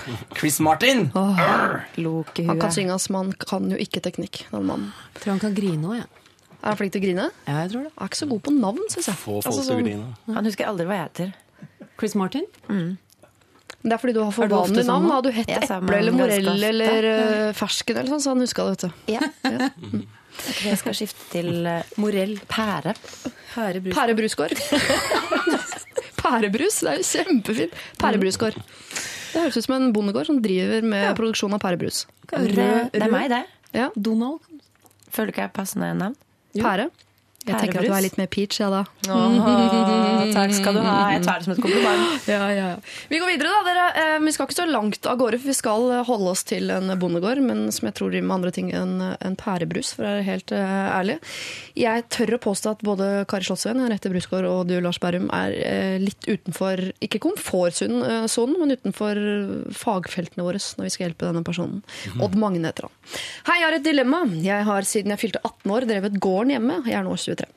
Jeg trives veldig godt som gårdsbruker, men jeg har også et ønske om å prøve noe annet en tid. Bare for å få det ut av systemet. Jeg har ingen til å drive gården mens jeg eventuelt prøver noe annet, så da må jeg leie ut gården for minimum fem år, eller rett og slett slutte med driften. Jeg vet virkelig ikke hva jeg skal gjøre. Har dere noen råd? Med vennlig hilsen Odd Magne. Leie ut gården for fem år. Landbruksvikar er ikke det verste man kan eh, stumpe borti. En forpakter av gården fem års tid, og så prøver du andre ting. En av musikerne våre som heter Amund Mårud. Han er- Hvem er våre musikerne våre? Musikerne våre, Det er liksom norske musikere, da. Ja, ja. Ja, sånn. Våre musikere er Ja. sånn de som er Ja. våre her. Våre landsmenn. Ja, Ja. Amund Moru, veldig flink. Eh, blues og boogie-woogie og kjempebra. Kjører solo for tida, er odelsgutt. Ja. Eh, og har da på en måte hevd på gården og sånn. Er vant til gårdsdrift og har studio hjemme på gården, men han, han må være musiker. Men hvem er det som driver gården, da? Eh, det er jeg ikke sikker på. Nesten hatt den her, så kunne han gitt noen gode råd, Men han tenker var jeg. leid ut da på sånn fem år, var det, det, var det poenget? Um, ja, den må visst være forpakta bort, er det det det heter? I minst fem år. Men Mm. det betyr jo at fem år, det går jo veldig fort. Ja, Jeg ja, syns jo fem år var veldig lenge. Men det kan være lenge. hvis du merker et halvt år ut i fem årene at øh, å nei, dette var ikke noe for meg, jeg vil bare uh, altså, Men der har ruske fortsatt- Der er fortsatt bare 28, ikke sant. Så kan Ja. han ta litt sånn agronomspesialistting og Mm. gjøre hvis han likevel vil ta over gården, da. Men det burde da vært lov å leie ut gården kortere enn fem år. En kortere periode enn fem år. Men uansett, nok om det. Jeg syns også han burde leie den ut for fem år. Og Leie den ut for fem år. Ja. Ja, Jeg trodde ikke noen skulle kunne noe om dette, så bringer du ord til bordet, Kari, som forpakte og altså det er jo Ikke sikkert at jeg har rett i at det heter det. Det høres utrolig trodde proft ut. En som forpakter en gård, er ikke det en som eh, da ivaretar eh, gården? Du kan jo rette oss hvis du som har skrevet inn og fortelle oss litt om hvordan dette henger sammen. Ja, og Magne gjør det. Vi Men ikke ikke gi opp gården! Det er så mange som gir opp eh, gårdsdrift eh, i Norge. Som gir opp. Men det virker, det Kanskje. virker som det, har, det, det føler jeg ikke er tema Eller jo, det er jo det, han sier jo det, men jeg, jeg, han vil jo bare eh, prøve det, sier han. Ja. Han skal Ja. jo skal bare prøve livet, og fem år da, det må du ha. Hvis du skal prøve, du skal, Det er, hvis du skal bestemme deg, nå skal jeg drive den gården her resten av livet mitt, men jeg skal ut og prøve ting, sånn at jeg kan på en måte si til barna mine eller eh, folk rundt at jeg, jeg, var, jeg husker, den, jeg husker Ayanapa, på en Ja. måte. Hvis han vil også ha de historiene. Og noen referanser som ikke er sånn potetrelatert. Ja, hvis han har noen sånne, skal ha noen på lager, da må, han- da må han sette av fem år. Han, må, han skal være der og der, og han tar noen fag der, få med fadderuka. Altså Det er ting han skal gjøre. Og tenk hvor deilig fem år, for da veit han at han skal tilbake i gården. Han har ikke noe, han har ikke noe hastverk, han kan bare sette fem år på å gjøre hva faen han vil, og så med god samvittighet. Og så kan han jo selge etter å ha gått fem år. Og så kanskje de som forpakter har lyst til å, å ta over, hvis du virkelig liksom har funnet tonen i uh, Bergen. Eller, At de har lyst til å drive et par år til, og hvis du da har sittet der med paraplydrink i fire år i Ayanapa, så er du helt, da kan du være helt sikker på at du vil tilbake til gården. Mm, ja, Da finnes ja. det ingenting bedre enn å tenke på at nå skal jeg tilbake og drive det er ikke få som har drukket paraplydrinker av Ayanapa i fire år og tenkt sånn Bare ett år igjen! Jeg tror de fleste er ganske fysende på å sette seg på et fly da. Jeg tror man blir ganske fysen etter to uker Ja. på å sette seg på flyet hjem. Ja. Men han kan jo annonsere i litt sånn himmelblå stil. Altså annonsere på finn.no eller i andre medier og bare si sånn en, Er det en familie som kunne tenkt seg å drive gård, prøve noe nytt, flytte fra byen, drive gård i fem år? Jeg har lyst til å prøve noe nytt. Skal vi bytte? Altså Ikke nødvendigvis bytte, men altså på en måte oppfordre folk til å TV-program nå? Bytt, Det en var- by- bytt, leilighet. livsstil. Går, livsstil, Det er mot litt farlig, og det kommer en sånn gjeng fra Grünerløkka opp og skal drive gården din. Da har de fem år på å herpe den gården fullstendig. Ja, Det kommer tilbake, det er ingenting som gror. Stikk på et TV-selskap. Stikk på et TV-selskap, pitch ideen som et TV-konsept, tjen penger på det i tillegg. Altså tjen enda mer enn det du hadde tjent på Vil du forpaste min gård, så kan jeg trashe din leilighet. En liten annonse i Nasjonen tror jeg blir. Nei, det er Ja, det er TV-programmet, og det går på maks. da. Max. Gå på maks. Max, det er jo mannekanalen. Føler at dette er sånn typisk manneting å Jeg vil trashe din leilighet, forpakt min gård. Er Klokka er- 21.00 på Max. Det er ikke så Hva mange vi damer som ville gjort, kanskje. Ta deg fem år. Du Ta er bare 23 år. Ja, jeg vet det. Kjør på. Og Man lever bare én gang. ingen tvil. Odd Magne, du eh, lærer ut gården for fem år, eh, og så gjør du akkurat det du vil. Og du er ikke forpliktet til å dra til Ayanapa, selv om vi har lagt Jo, litt føringer på i det. Har så mye å gjøre. Har, du, har, du har så mye. Du har fem år med Ta mellomfag teologi, eller altså finn på noe Jo, jo, men altså, jeg, jeg, er for å få et alternativ til. Ayanapa, da. Ja. Du kan ikke bare bringe Ayanapa, tenk sånn. Jo, New York, Ayanapa altså Du har så mye, du har kultur og trash. Du, har- så mye å oppleve hvis han har bare bodd på en gård. tenker jeg, Da blir jeg ble bekymra. Kan jo hende han Stikk har vært til Cape utenlands innimellom, da. Nei, det Ha ditt eh, gård. Ramspringa, på en måte, nå de neste fem årene. Og Mm. kos deg i hjel, Odd Magne. Men ikke glem potetene. da. Men det er ikke bare bare å bo på en gård. Altså. Det er ikke bare bedre. Tenk så mye gøyale høner du kan ha. er sikkert deilig Masse overkropp. farger og rare fjær, busker på beina og korn i nebb og mye gøy. Jeg Han er for meg nok at han skikkelig ganske- ja, Han, han er Når uh, du hadde hørt deg si det, mann. Kari, så, som bonde da, 23 år, når du sier det er så morsomme høne med gra... Da tror jeg han rister på hodet. Så, det er by, Må han gjerne gjøre. Ja, by, Det er ikke jeg som driver gård. Lykke til, Odd Magne. Jeg er helt sikker på at det går til å kose deg i hjel der ute. Så er jeg mer usikker på det der med om du kommer tilbake etter fem år. Det vet jeg ikke. Si fra, da. Men Vi er her sikkert fortsatt. Vi sitter og skravler her. Samme studio, samme gjengen og samme musikken er P3. Og kjempegamle. Vi har blitt enda eldre! Nesten fem år. Lørdagsrådet Føler at Sirkus Eliassen oppfordrer til litt sånn allsang på slutten der i, før du går, men det var, det var lite av det her eh, hos oss i, i Lørdagsrådet. Vi sang inni oss. Gjorde dere det? Jeg tror Eliassen- Eliassen. Jeg tror han ligger om natta og holder på sånn, jeg. Jeg føler meg for gammel til å si at det, altså, synge det du synger på slutten der. Kan ikke gjøre det du, Lars, du er yngre enn meg. Akkurat i grenseland. Jeg kunne ikke gjort det. Det hadde blitt kleint. Ja. Det blir som musefletter. Mener du det? Ja. Bare stå for det, så blir det ikke kleint. Jeg står for uh... Slipp deg løs. Ja. Du blir veldig rolig og glad. Alt er lov, sier det Henriette. Alt er lov. Det er refrenget til livet til Henriette Brusgaard. Det er så fint. Ok, Vi har snakket mye om alder i dag. Vi skal la det ligge litt. Grann. Kari Gjerne. Slåssevenn, Henriette Brusgaard eh, og Lars Bærum. Vi skal ta et eh, problem til. Vi er her i Lørdagsrådet. Halloisen! Lørdagsrådet åpner det med. Det ser fint. Bergen. Bergen. Det er Er Bergen. ikke det Halaien, da? Ja. Halloisen! Er ikke det Bergen? Halaien. Aner Det ikke. kan også være Anyways. Kirkenes. Ja til livet. Bare prat litt sånn lavt i bakgrunnen, når Jeg fortsetter å lese. Jeg har et problem som jeg ikke har vært borti før. Det er vel ca. tre år siden jeg var i et forhold sist. Og jeg har ei venninne i nabobyen, og hun har så lyst til å spleise meg med venninna hennes. Dette er flott og vel, men denne jenta hun sier ikke et pip. Jeg var hos venninnen min i helgen, hvor den jenta også var, og jeg har prøvd å knuse isen flere ganger, men jeg hører ikke et ord fra henne. Mens når jeg sitter på Facebook, ja da holder hun ikke kjeft i to minutter engang. Hvordan skal jeg få henne til å snakke til meg ansikt til ansikt? Med vennlig hilsen Haugesunderen. Ah, det er right back action. Kanskje hun ikke snakker nærme, før ekteskapet? Kanskje ikke, ja. Hvordan- Eh, knuse den, isen syns jeg var gøy, da. Men dette er altså en jente isen. Kan vi ikke bare repetere det litt? Dette er en jente som vil Det er noen som vil spleise. Kan du ikke bare ta kjapt en gang til? Eh, I Haugesundsområdet nå så er det en gutt og en jente som eh, skal, må, bør spleises. Men hun jenta er så sjenert, og eh, haugesunderen her lurer på hvordan han skal bryte isen med den jenta. Som, hun er ikke sjenert på Facebook, men altså face to face. Men det er jo en da- klassiker. Liksom Det tyder jo på at han er litt interessert, da, tross alt. Ja, det, han virker veldig interessert. Han vil Ja. altså åpne denne jenta opp.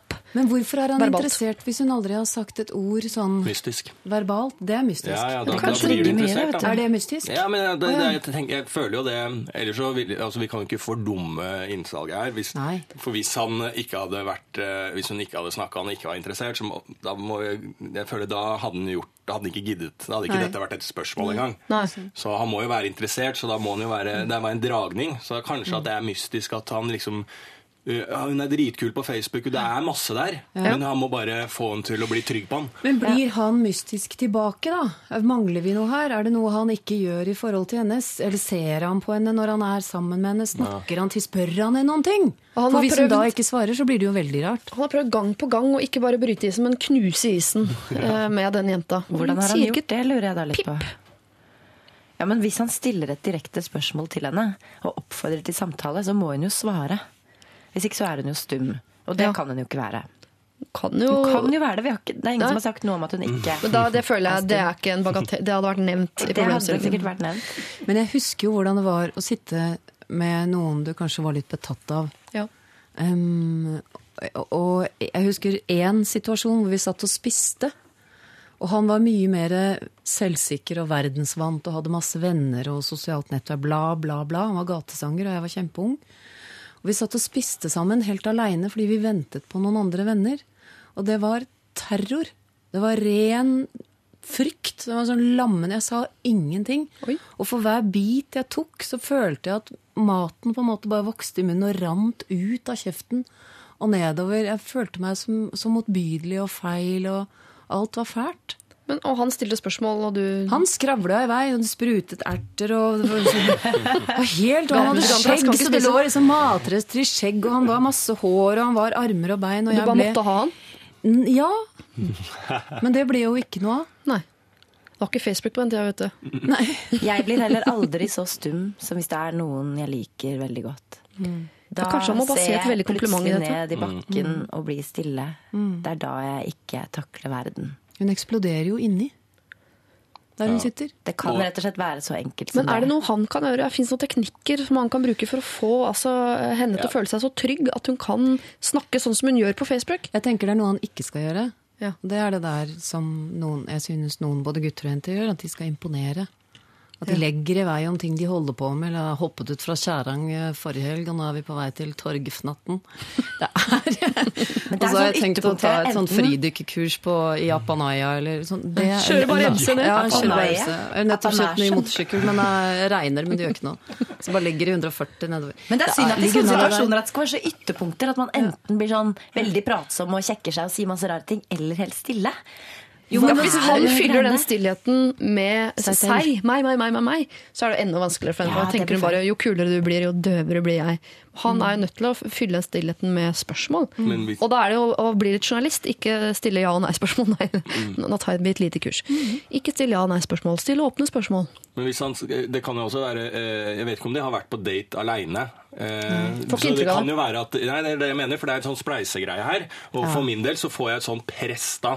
Hvis du kommer inn på en fest, ikke sant, så eh, ser du Å ja, hun er liksom rett for meg, og hun ser det samme. Han er rett for meg. Mm. Og man får en sånn kjemi. Og venninnene hennes presser hun til å komme til meg. Og venn- gutta mine bare ja, du skal, hun og dere har en greie. Og det blir sånn hausa. Så det blir sånn derre eh, på en måte press. Eh, spleisepress. Da, da trekker jeg meg unna. Og hvis det er det som det ligger litt i lufta, det er de to og hun venninna, og hun bare Ja, du, nå går jeg, skal jeg bare litt på toalettet. Og så sitter man da. Den, og får den i trynet, og han tar den sånn Å, her må jeg snakke. Oh, Ok, hva skjer med deg? Jeg har gjort det og det og det. Og bare mater på, mens hun blir litt sånn Oi, det her syns jeg er kjempekleint. Men han syns også det, men han reagerer med eh, å bare fyre løs med prat. Og så kommer hun tilbake, og så er det ferdig igjen. Og så skal man være litt forsiktig med å drive og kjøre på med spleis fordi man har en venninne som man tenker kunne passe fordi han er en venn, for da ender man opp i det der terrorveldet av vennepar. Et vennepar av oss. Og når folk sier eh, kommer dere, til, 'Kommer dere til oss på lørdag?' Det kommer noen andre vennepar også, da kommer ikke jeg. Nei. Gjør du ikke det? Nei, jeg får litt fnatt av det der. Ja. Vi lager en krets som passer sammen fordi Ja. vi kjenner hverandre så alt er trygt og godt, og vi alltid skal være sammen hele livet. Ja. Skal vi være disse parene? Hvis tanken bak selskapet blir for tydelig, så er jeg enig at det kan bli litt sånn som, Jeg får så fnatt av det sjæl, jeg. Ja, og hvert fall- også må man slutte å tro også bare fordi eh, 'Å, er du singel? Jeg kjenner en annen som er singel.' Det passer jo kjempebra. da. Jeg tar det som en fornærmelse når noen prøver på det der. Tenker sånn, Da kjenner du meg altså så dårlig, tenker jeg. Det Kanskje hun jo- ikke skulle ha sagt at hun ville spleise? Kanskje Men bare det toget har gått. kjeft? Ja, det er jo sant. Det blir igjen det. Jo mer masing og jo mer man oppfordrer til ting, jo vanskeligere blir det. Ja. Kanskje de to må bare Naturen hvis han, han liker jo henne, og de har kontakt på Facebook. Ja. Så de har jo på en måte en greie seg imellom som er bare deres. Så dropp det rundt og finn på noe bare dere to, men som ikke er på Facebook. Ja, Gå ja. joggentur og ta en kaffe etterpå. Gjør noe sammen. ikke, jeg vet da faen, joggentur. Men en liten ting. Ja. Han skriver at og på Facebook holder hun jo ikke kjeft i to minutter. Er det bra, eller er det dårlig? Ja, det høres jo dårlig ut, men det det. virker jo så det, vi, Nei, Man får men- inntrykk av at han vil snakke med henne masse. Men Jeg tenker det sier litt om at Unnskyld, altså, jeg er en jævel til å avbryte noen ganger. Er du? Jeg er det. Ja, kjør Jeg, på. jeg beklager. Jeg føler at det sier litt om at hun blir veldig sjenert eh, når eh, de er sammen fordi hun er interessert. Mens på Facebook så slipper hun seg løs fordi det er veldig greit, som veldig mange gjør. Ja. Så jeg føler at stikk ut, ta ansvar, ta henne med på et eller annet. Det er da det vil skje ting. Og hvis han gir henne, den jenta eh, litt tid, så kan det jo være at hun er verdens beste jente, som bare har blitt forbigått noen ganger nå fordi folk har ikke tid til å vente på at hun skal åpne seg. Og hvis hun sier at hun 'jeg har tenkt litt på å, å begynne å løpe', så skal ikke han si at ja, nei, men det slutta jeg med flere år siden. Jeg driver med en del med barfotløping, men jeg syns det, er- det er på en måte ut, da. Ligg unna. Slutt å snakke om deg selv. Ikke snakk om deg sjøl. Still åpne spørsmål og finn på noe sammen, dere to. Og ikke noe sånn si noe kafé, men ta Nå høres vi skikkelig gamle ut, men gå i skogen eller oppleve noe sammen som man, man slipper å snakke om seg og sitt. Man kan snakke om det man ser. Gå på, det er sikkert noe museum Jeg hater å gå på museum, kjedelig, men gå på museum sammen. Jo kjedeligere i museum, jo bedre. Så kan dere gå og baksnakke sånn Herregud, en vase. Litt døvt. Så er det i gang. jeg skal være litt forsiktig med å være sånn til en fremmed dame som er litt keen på å bli med ut i ta en gåtur i skogen som første date òg. Ja, Særlig hvis du er litt utrygg på henne når hun sover. Ja, ja, Ja, for hvis du hadde spurt om det, så hadde jeg ikke trodd på at du bare hadde lyst til å prate. Blir du med i lysløypa, ja. Bli med på Nasjonalgalleriet, da. For Kan vi ta en kopp te? Skal vi ta en ironisk tur på Nationaltheatret? Å, det hadde jeg blitt med på. Sånne type ting. Lykke til! Jeg håper dere blir kjempekjærester, Ja. og at uh, begge vil uh, være sammen for alltid. Og at du frir, og hun sier ja, Og og at hun venninna blir på toalettet. hun er fruktbar den dagen du er på. Og, altså, jeg bare håper det ordner seg så innmari. Da. Da vil jeg gjerne føye til et ordtak. Ja. Hurra for kjærleiken. Og alt er lov. Alt er lov. Og ja til livet. Ja til livet. Carpe diem. Lykke til. Og så vil jeg tilføre eh, at når vi eh, først nå snakker om Facebook, så er det jo lov å gå inn på Facebook. Vi har en Facebook-side sjøl, vi, Lørdagsrådet, og der har vi jo lagt ut eh, bilde av dagens rådgivere. Og vi har også lagt ut bilde av den plakaten der Kari Slottsvenn heter Turi. Turi Slottsvenn. Gå inn der og se på det. Det er en fornøyelse å se den plakaten. Men nå en musikalsk liten pause, så er vi tilbake. Haim, dette her, og Forever, som vi hører eh, fade ut i bakgrunnen. Vi rekker en kort liten runde på et problem som tikket inn på eh, SMS her, hvor det står eh, Jeg er 39 år og singel, vurderer å gå på sånn fjelltur for single, men liker jo egentlig ikke å gå i fjellet. Er det da riktig sted for meg å møte en mann? Skal vi ta en kjapp uh... Nja Jeg vil vel kanskje sånn umiddelbart si nei. Ikke helt riktig sted. Henriette Brudsgaard? Det er Nei. jo friskuser som trekkes mot uh, Jeg Turistforeningens synes det høres eh, ut som sånn. Bridget Jones-filmopplegget. Ja. Han Hugh Grant i hovedrollen som han som liker å gå i fjellet, og så er det hun. Det, det blir et eller annet, det kan bli en veldig god spenning der, men nettopp at hun ikke egentlig liker å gå i fjellet, og så forstiller hun seg litt. Hun må strekke seg litt og utvide horisonten sin. Kan bli god sex, men kanskje ikke ekteskap.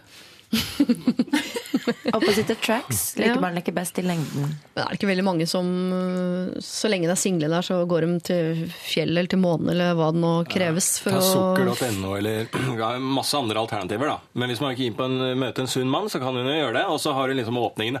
Og jeg, jeg liker jo ikke å gå i fjellet engang. det er kjempefint. Ah, ah, ah, Det så var det er sånn falske premisser. Sånn, I begynnelsen lot jeg som jeg likte kjempegodt å se på fotball, f.eks. Og nå må jeg jo sakte, men sikkert si sånn jeg, jeg hater det her fotball, kan vi slutte å se på fotballgreiene? Mm. Og da plutselig, nå merker jo min øh, lokfører litt om litt at han er jo Det er falskt. Ja, hvis hun- meg dette forholdet. Hvis hun er åpen i starten, da, hvis hun sier at jeg liker ikke egentlig å gå i film', men jeg har så lyst til å treffe noen, og jeg har tenkt at her må jeg ikke har man sjansen til å se veldig smashing ut heller. Man må også strekke seg litt og bli litt sliten og puste og bli svett og sånn. Super måte å møte noen på, tenker jeg. Det kan Dra komme litt feil ut hvis det er det første man sier. det Sukker.no, ligg unna. Fjells. Sukker, du skal ikke kimse av sukker. Nei, jeg gjør ikke det. Jeg tenker bra. Jeg har bare vært på- der lenge mange ganger. Gå Har du det? Ja, ja, ja. vekk fra skjermen, tenker jeg. Ut i naturen. Mm, ja, det er helt enig. Ja, men jeg, ja, det er Ta med iPhone, Tosidig. Ja.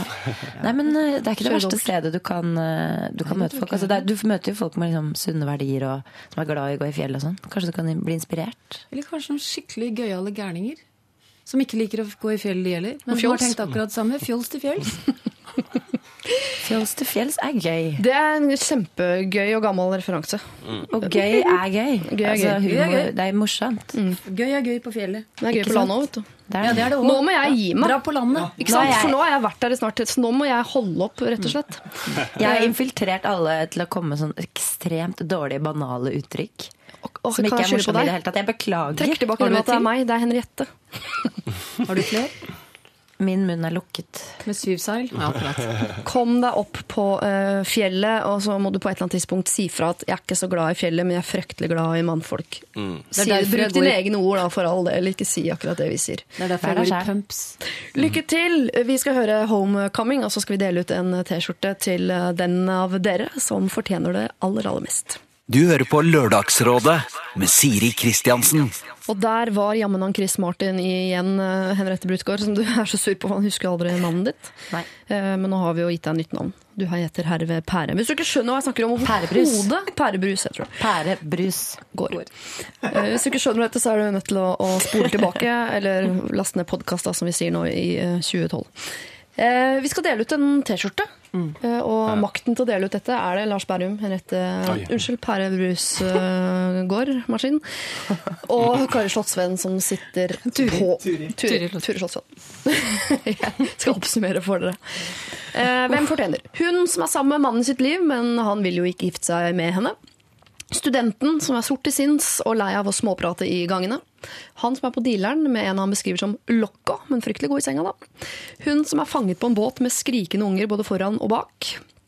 Eller hun som har en overvektig eh, lillesøster. Bonden som vil ut og oppleve verden. Eller nå mot slutten her, han som prøver å få den sjenerte jenta til å tørre å prate, også utenfor Facebook-samfunnet. Start debatt.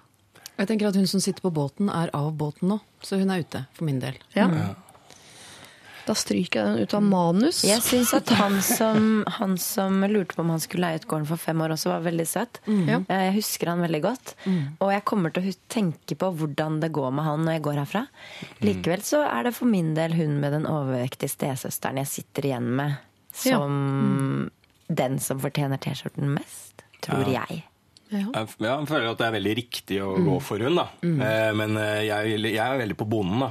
Med egentlig sånn bare sånn eh, ego-narsissistiske grunner. At, eh, fordi jeg kjenner meg igjen til at man har vært sånn klisjémann som skal oppleve alt. Fordi du vil gå mot normalt, gå mot røkla. Nei, ja, ikke ja. velge det politisk korrekte. Nei, det det nei, nei, bare fordi at jeg kjenner meg igjen i han. Så det er bare sånn ego. At jeg eh, elsker at man skal oppleve ting. Eh, Det er ikke sagt noen kriterier for hvorfor man skal dele ut den T-skjorta. Så hvis du har lyst til å dele ut for det er det du kjenner deg igjen i, så er det Ja. vel så godt argument Ja, som men jeg kom med en vridning der, for jeg har oh. T-skjorten. Jeg, eh, som jeg, jeg, jeg har lyst til å gi T-skjorten til eh, personen med disse festivalbåndene. Eh, For hvis, hvis han er med, da Vet du hva, han var hadde jeg glemt. alternativ! Men det, Var det fordi Det jeg var har ikke et. Jeg alternativ. trodde det var Det hadde bare glemt den. For han hadde jeg glemt. Tenk deg det. Få på han P3-T-skjorte med festivalbånd. Herregud, så Da makser du eh, harrykvota, som jeg tror at det kommer til å jobbe opp de festivalbåndene. Jeg vil heller si makser trendkvota. Altså, da ble han jo så hipp og trendy at det halve kunne vært nok. Jeg, jeg har et hjerte for Jeg er, helt, jeg er for så vidt enig litt i det. Å dele ut masse T-skjorter. Litt svakt hjerte fra han bonde. For jeg tenker at da blir T-skjorta et frihetssymbol. Da går han rundt i den, og så er det sånn Ah, det var han som brøt ut.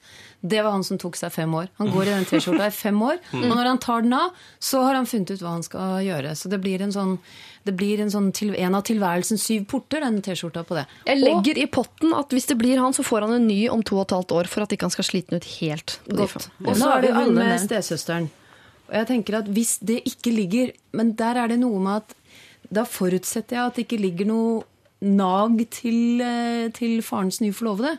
Mm. At det ikke ligger noe sånn ønske om å, å knipse noen. Og sette ned foten for å demo- Nei, det vet vi ikke, så jeg er litt usikker. Hvis Alle det ligger et sånt ja, Hvis det ligger et varmhjertet ønske om å virkelig hjelpe en stesøster, så burde hun ha på seg den T-skjorta når hun går til mor og far og sier at nå holder det. Summa summarum er det jo bonden som har gjort det er størst inntrykk her, da. Bonden er den eneste som har blitt nevnt av alle tre. Odd Magne. Odd Magne. Odd Magne. Nei, da, Odd Magne da, nei, Bondevik. ikke han. Ikke, da. Odd Magne Bondevik. ja. Bondevik. Blir det, eh, altså, blir det Odd Magne?